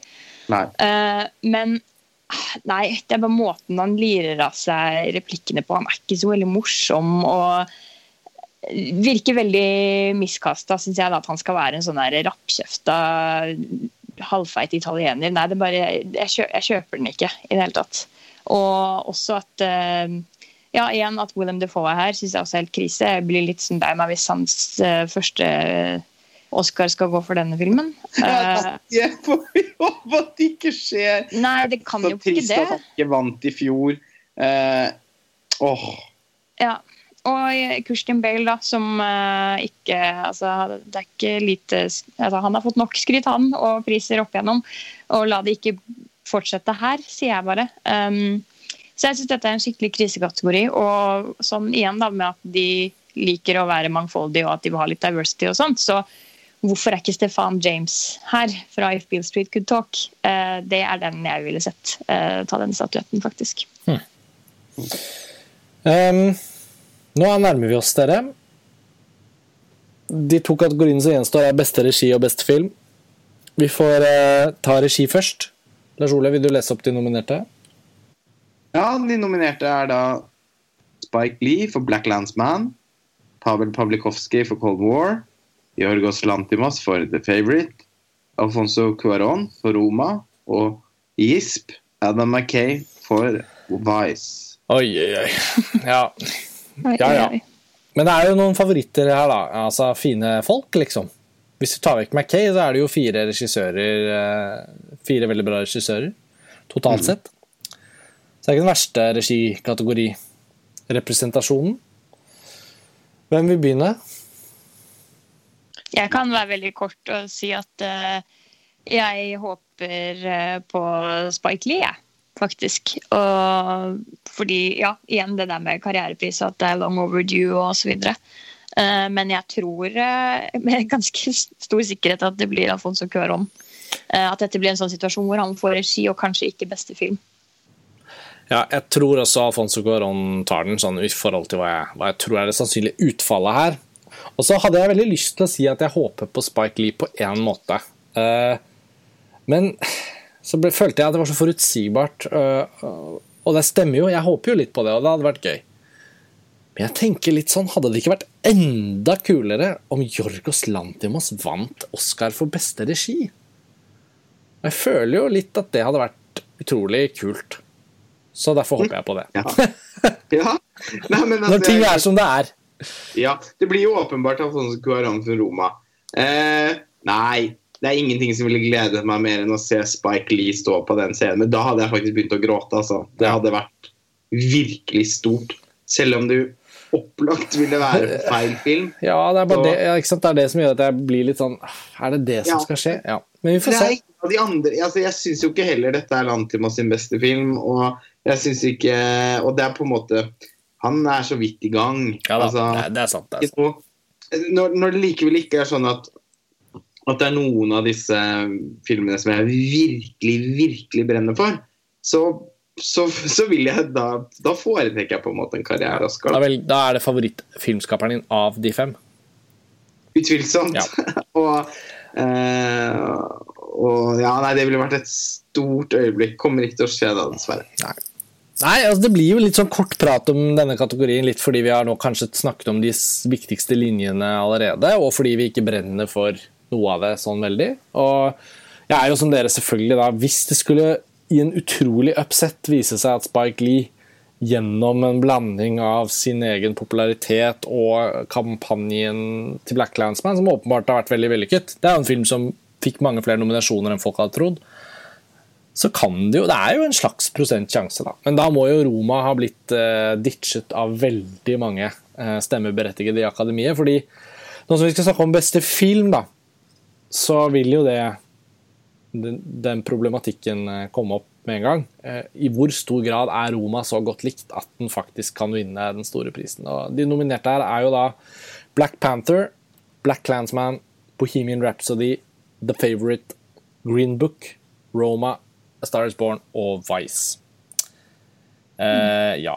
Nå kan vi jo bare snakke alle sammen. Det er kanskje litt unaturlig å ta det sånn gang, gang etter gang, men det er jo noen filmer som ikke det er så sannsynlig at vinner.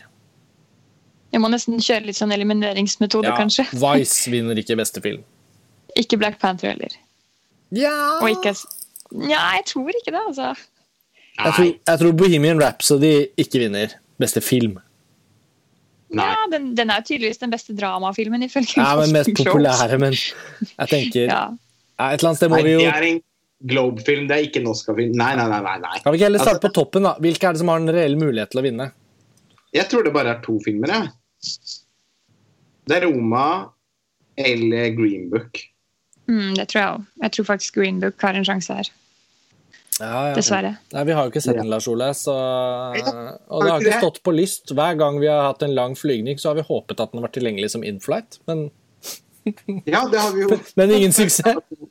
Nei. Altså, når det altså, Black Panther er jo sånn som kunne skjedd som en sånn helt sånn Argo-aktig ja, ja, jeg tenker ikke at det er helt, helt utenkelig på basis av hvordan disse stemmene avgis, og, og hvor, hvor filmer havner på på listene til folk Nei, og sånn, men jeg er jo enig i at ut ifra alt vi har lest og sånn sånne, Jeg tror faktisk en ganske sjanseløs film her også da er The Favourite. da. Den tror jeg vi Dessverre. kan stryke. A Star Is Born gikk for hardt ut i racet. Uh, var jo frontrunner veldig lenge.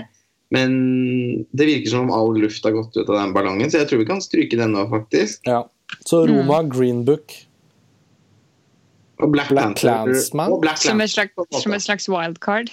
ja. Black Landsman er ikke av samme årsaker som Black Panther. på en måte. Er ja. den, hel, den, er ikke utenkelig, den heller. Fordi at hvis man skal, Det er mange som vil tenke at de gir en stemme til noe større, hvis de gir en stemme til Black Panther eh, eller Black eh, Landsman. Uh, mm. Mens Green Book later til å være en film mange blir veldig sånn underholdt og den har, den har den Intouchables-faktoren.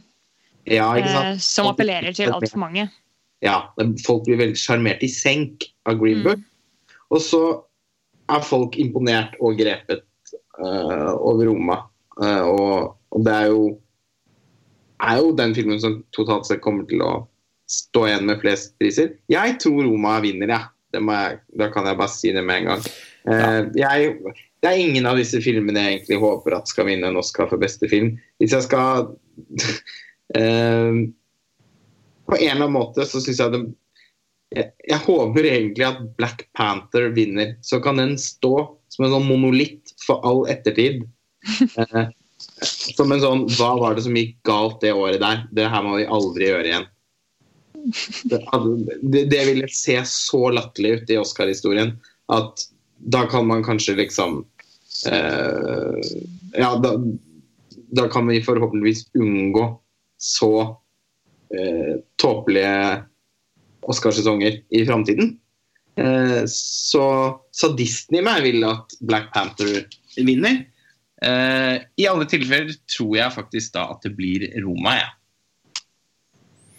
Ja, jeg tror, også, jeg tror, også, Roma. Jeg har landet på det etter mye forskjellig Også litt i forberedelse til denne podkasten. Og så tenker jeg når alt kommer til alt, så, så er det det mest sannsynlige. Og hvis ikke, mm. så blir det en split da med Cuaron på regi, og da sannsynligvis Green Book, eller da en av disse Black Panther, Black Landsman-variasjonene. Men ja. Mm. Ja, jeg tror også Green Book, men jeg håper jo på The Favourite, da. Hmm? Fifty Shades of Black. Fifty Shades of Black, ja. Nei, men det er jo så mange ting. Eh, Det var Brett Easton Ellis har skrevet et lite essay for The Hollywood Reporter. Eh, Forfatter Brett Easton Ellis, kjent for American Psycho, eh, for de som ikke eh, har han på radaren. Um, og, Brett Easton Ellis er jo nå en litt sånn tilbaketrukket skikkelse som bruker øser av sin klokskap på sin egen personlige podkast, som ikke lenger er åpent tilgjengelig for alle, men som er tilgjengelig for de som vil betale for et medlemskap. Det gjør vi, og han har utrolig mange innsiktsfulle tanker og litt sånn radikale ideer om hvordan man skal gripe hele Hollywood og popkulturen an. Og dette koker seg ned til ganske fine eh, innsikter om Oscar-sesongen, fordi den i større og større grad er et resultat av den, særlig i USA, da, men for øvrig også i verden. Vi lever i en globalisert tid at liksom den politisk korrekte samtalen, altså at det er lover og regler for hva man liksom kan like og mislike og sånt, eh, styrer popularitetsvurderinger og ned til Oscar hvem som skal få en pris, blir nå Mener han da i større grad ser det ut til å bli målt på helt andre kriterier enn det som burde være kriteriene. Eh, og hans dom da er jo da at liksom i en tid hvor man ikke lenger blir målt på på ferdigheter og kunstnerisk eh, oppnåelser, estetikk og alle de tingene som han er opptatt av, så blir det det andre som spiller inn. da. Altså, hvilken grad filmen er eh, verdig ut ifra hva den handler om, ut ifra hvem som har laget den, og ut ifra hvem den representerer, osv. Som gjør at en film som Green Book har fått veldig mye hate, og det er en film Brett Easton Ellis liker veldig godt. og han liker også veldig godt Roma, da. En av grunnene til at Roma kanskje er den vi tipper frem som vinner, er jo fordi den er jevnt over godt likt eh, som Mest av alt som et kunstverk, eller som det verket den er. Og så er det jo sånne som oss som ikke syns den er et så stort verk som alle andre skal ha til. og sånn. Men samtalen handler som regel om det, da. Eh, og, og så syns han Bohemian Rhapsody tidvis er en ganske fet film, og han kunne ikke brydd seg mindre om at det er Bryan Singer som har laget den, i forhold til om han kan si noe kult om den eller ikke, osv. Så, videre. så vi har jo han litt på venstre øre, vet jeg, fordi vi alle eh, har vurdert noen av hans uttalelser og tatt det til oss og tenkt litt man, man, får seg selv til å tenke en runde ekstra da, etter å ha hørt han snakke om hva som foregår i kulturen vår. Og det mm. lander jo inn, inn i Oscar-samtalen. Og da, for å avslutte der, så kan vi jo ta en kort runde på det at liksom Er det sånn at vi får se Oscar-priser i år som handler om hvem som faktisk var den største kunstneren? Eller ikke? Eller har de filmene ikke engang blitt nominert? Nei, de har jo først og fremst ikke blitt nominert, tenker jeg. Ja. Ja, det tenker jeg også. Altså, hvor er Suspiria? Hvor er flere nominasjoner til First Reformed? Hvor er Eight nominasjoner Grade, til Eighth Grade og, eller Voxlux? Altså sånn Mm. Hadde, Og i fjor var det jo faktisk sånn at de filmene vi etterlyser nå, i fjor var jo nominert. Ja, ja, ja. Og da, da vi hadde denne episoden i fjor, Lars Ole, så satt jo du og jeg og sa at det, det vanskelige i år er jo at det er så mange filmer man elsker. Ja. og i år er det motsatt. Det er liksom virkelig ikke tilfellet i år. Og det, og det er på en måte Indie-filmene har gjort det dårlig i år. Og det er jo det også på en måte rammer 8th grade, da, for eksempel, som jeg føler at i et hvilket som helst år så ville det vært helt naturlig å tenke at den ble nominert både for beste kvinnelige hovedrolle, Elsie Fisher, og beste originalmanus. Og den vant jo VGA for originalmanus. Mm. Den er altså ikke nominert. Det var eh, altså like overraskende, faktisk, som det var Ja, og derfor liksom faktisk Det, det ble jeg ordentlig skuffet over, for det hadde jeg tro på. Mm. Og First Reformed i flere kategorier enn bare beste originalmanus. Ja, det var, altså At Ethan Hawke ikke er nominert, syns jeg er jo Det er en skandale. Uh, Jeg er helt enig. altså, Jeg trodde han kom til å vinne ja, for, for to måneder siden. Så det er bare helt uh, utrolig trist. Han er så godt likt. Jeg jeg kan ikke, skjønner ikke helt hva som har skjedd her. Nei. Nei. Nei. Eh, Men vi får Ja. kanskje avslutte der. vi får gjøre det. Ja. Vi, eh, vi gleder oss kanskje ikke like mye til Oscar-utdelingen som vi pleier å gjøre.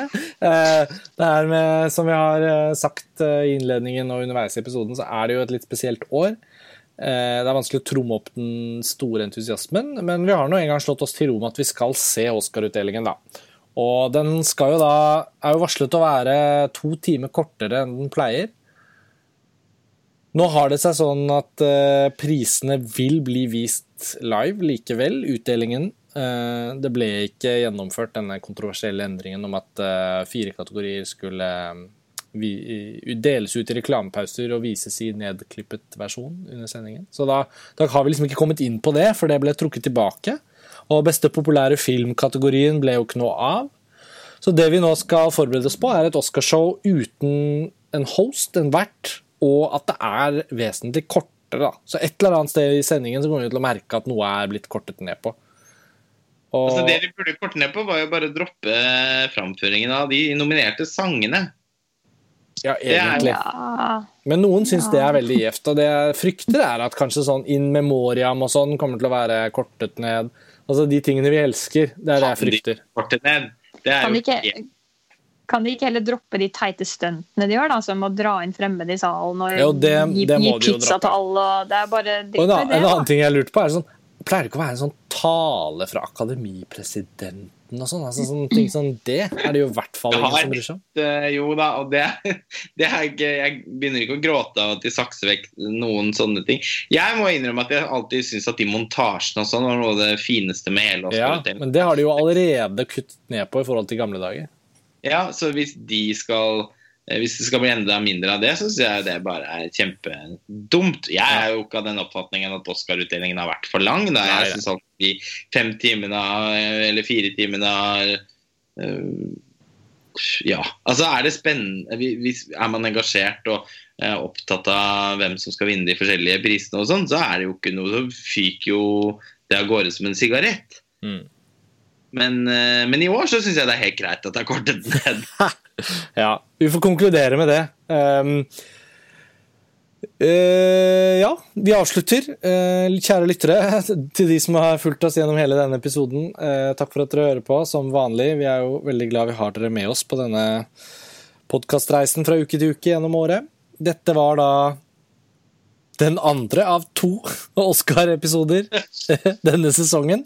Vi avslutter med dette. Eh, og hvis dere hører på rett før Oscar-showet for å varme opp, så får dere bare ha en god natt med Oscar-utdelingen. Så får vi bare alle krysse fingrene for at denne utdelingen på en eller annen måte klarer å by på noen overraskelser og noe frydefullt som gjør at det blir litt bedre enn vi nå frykter.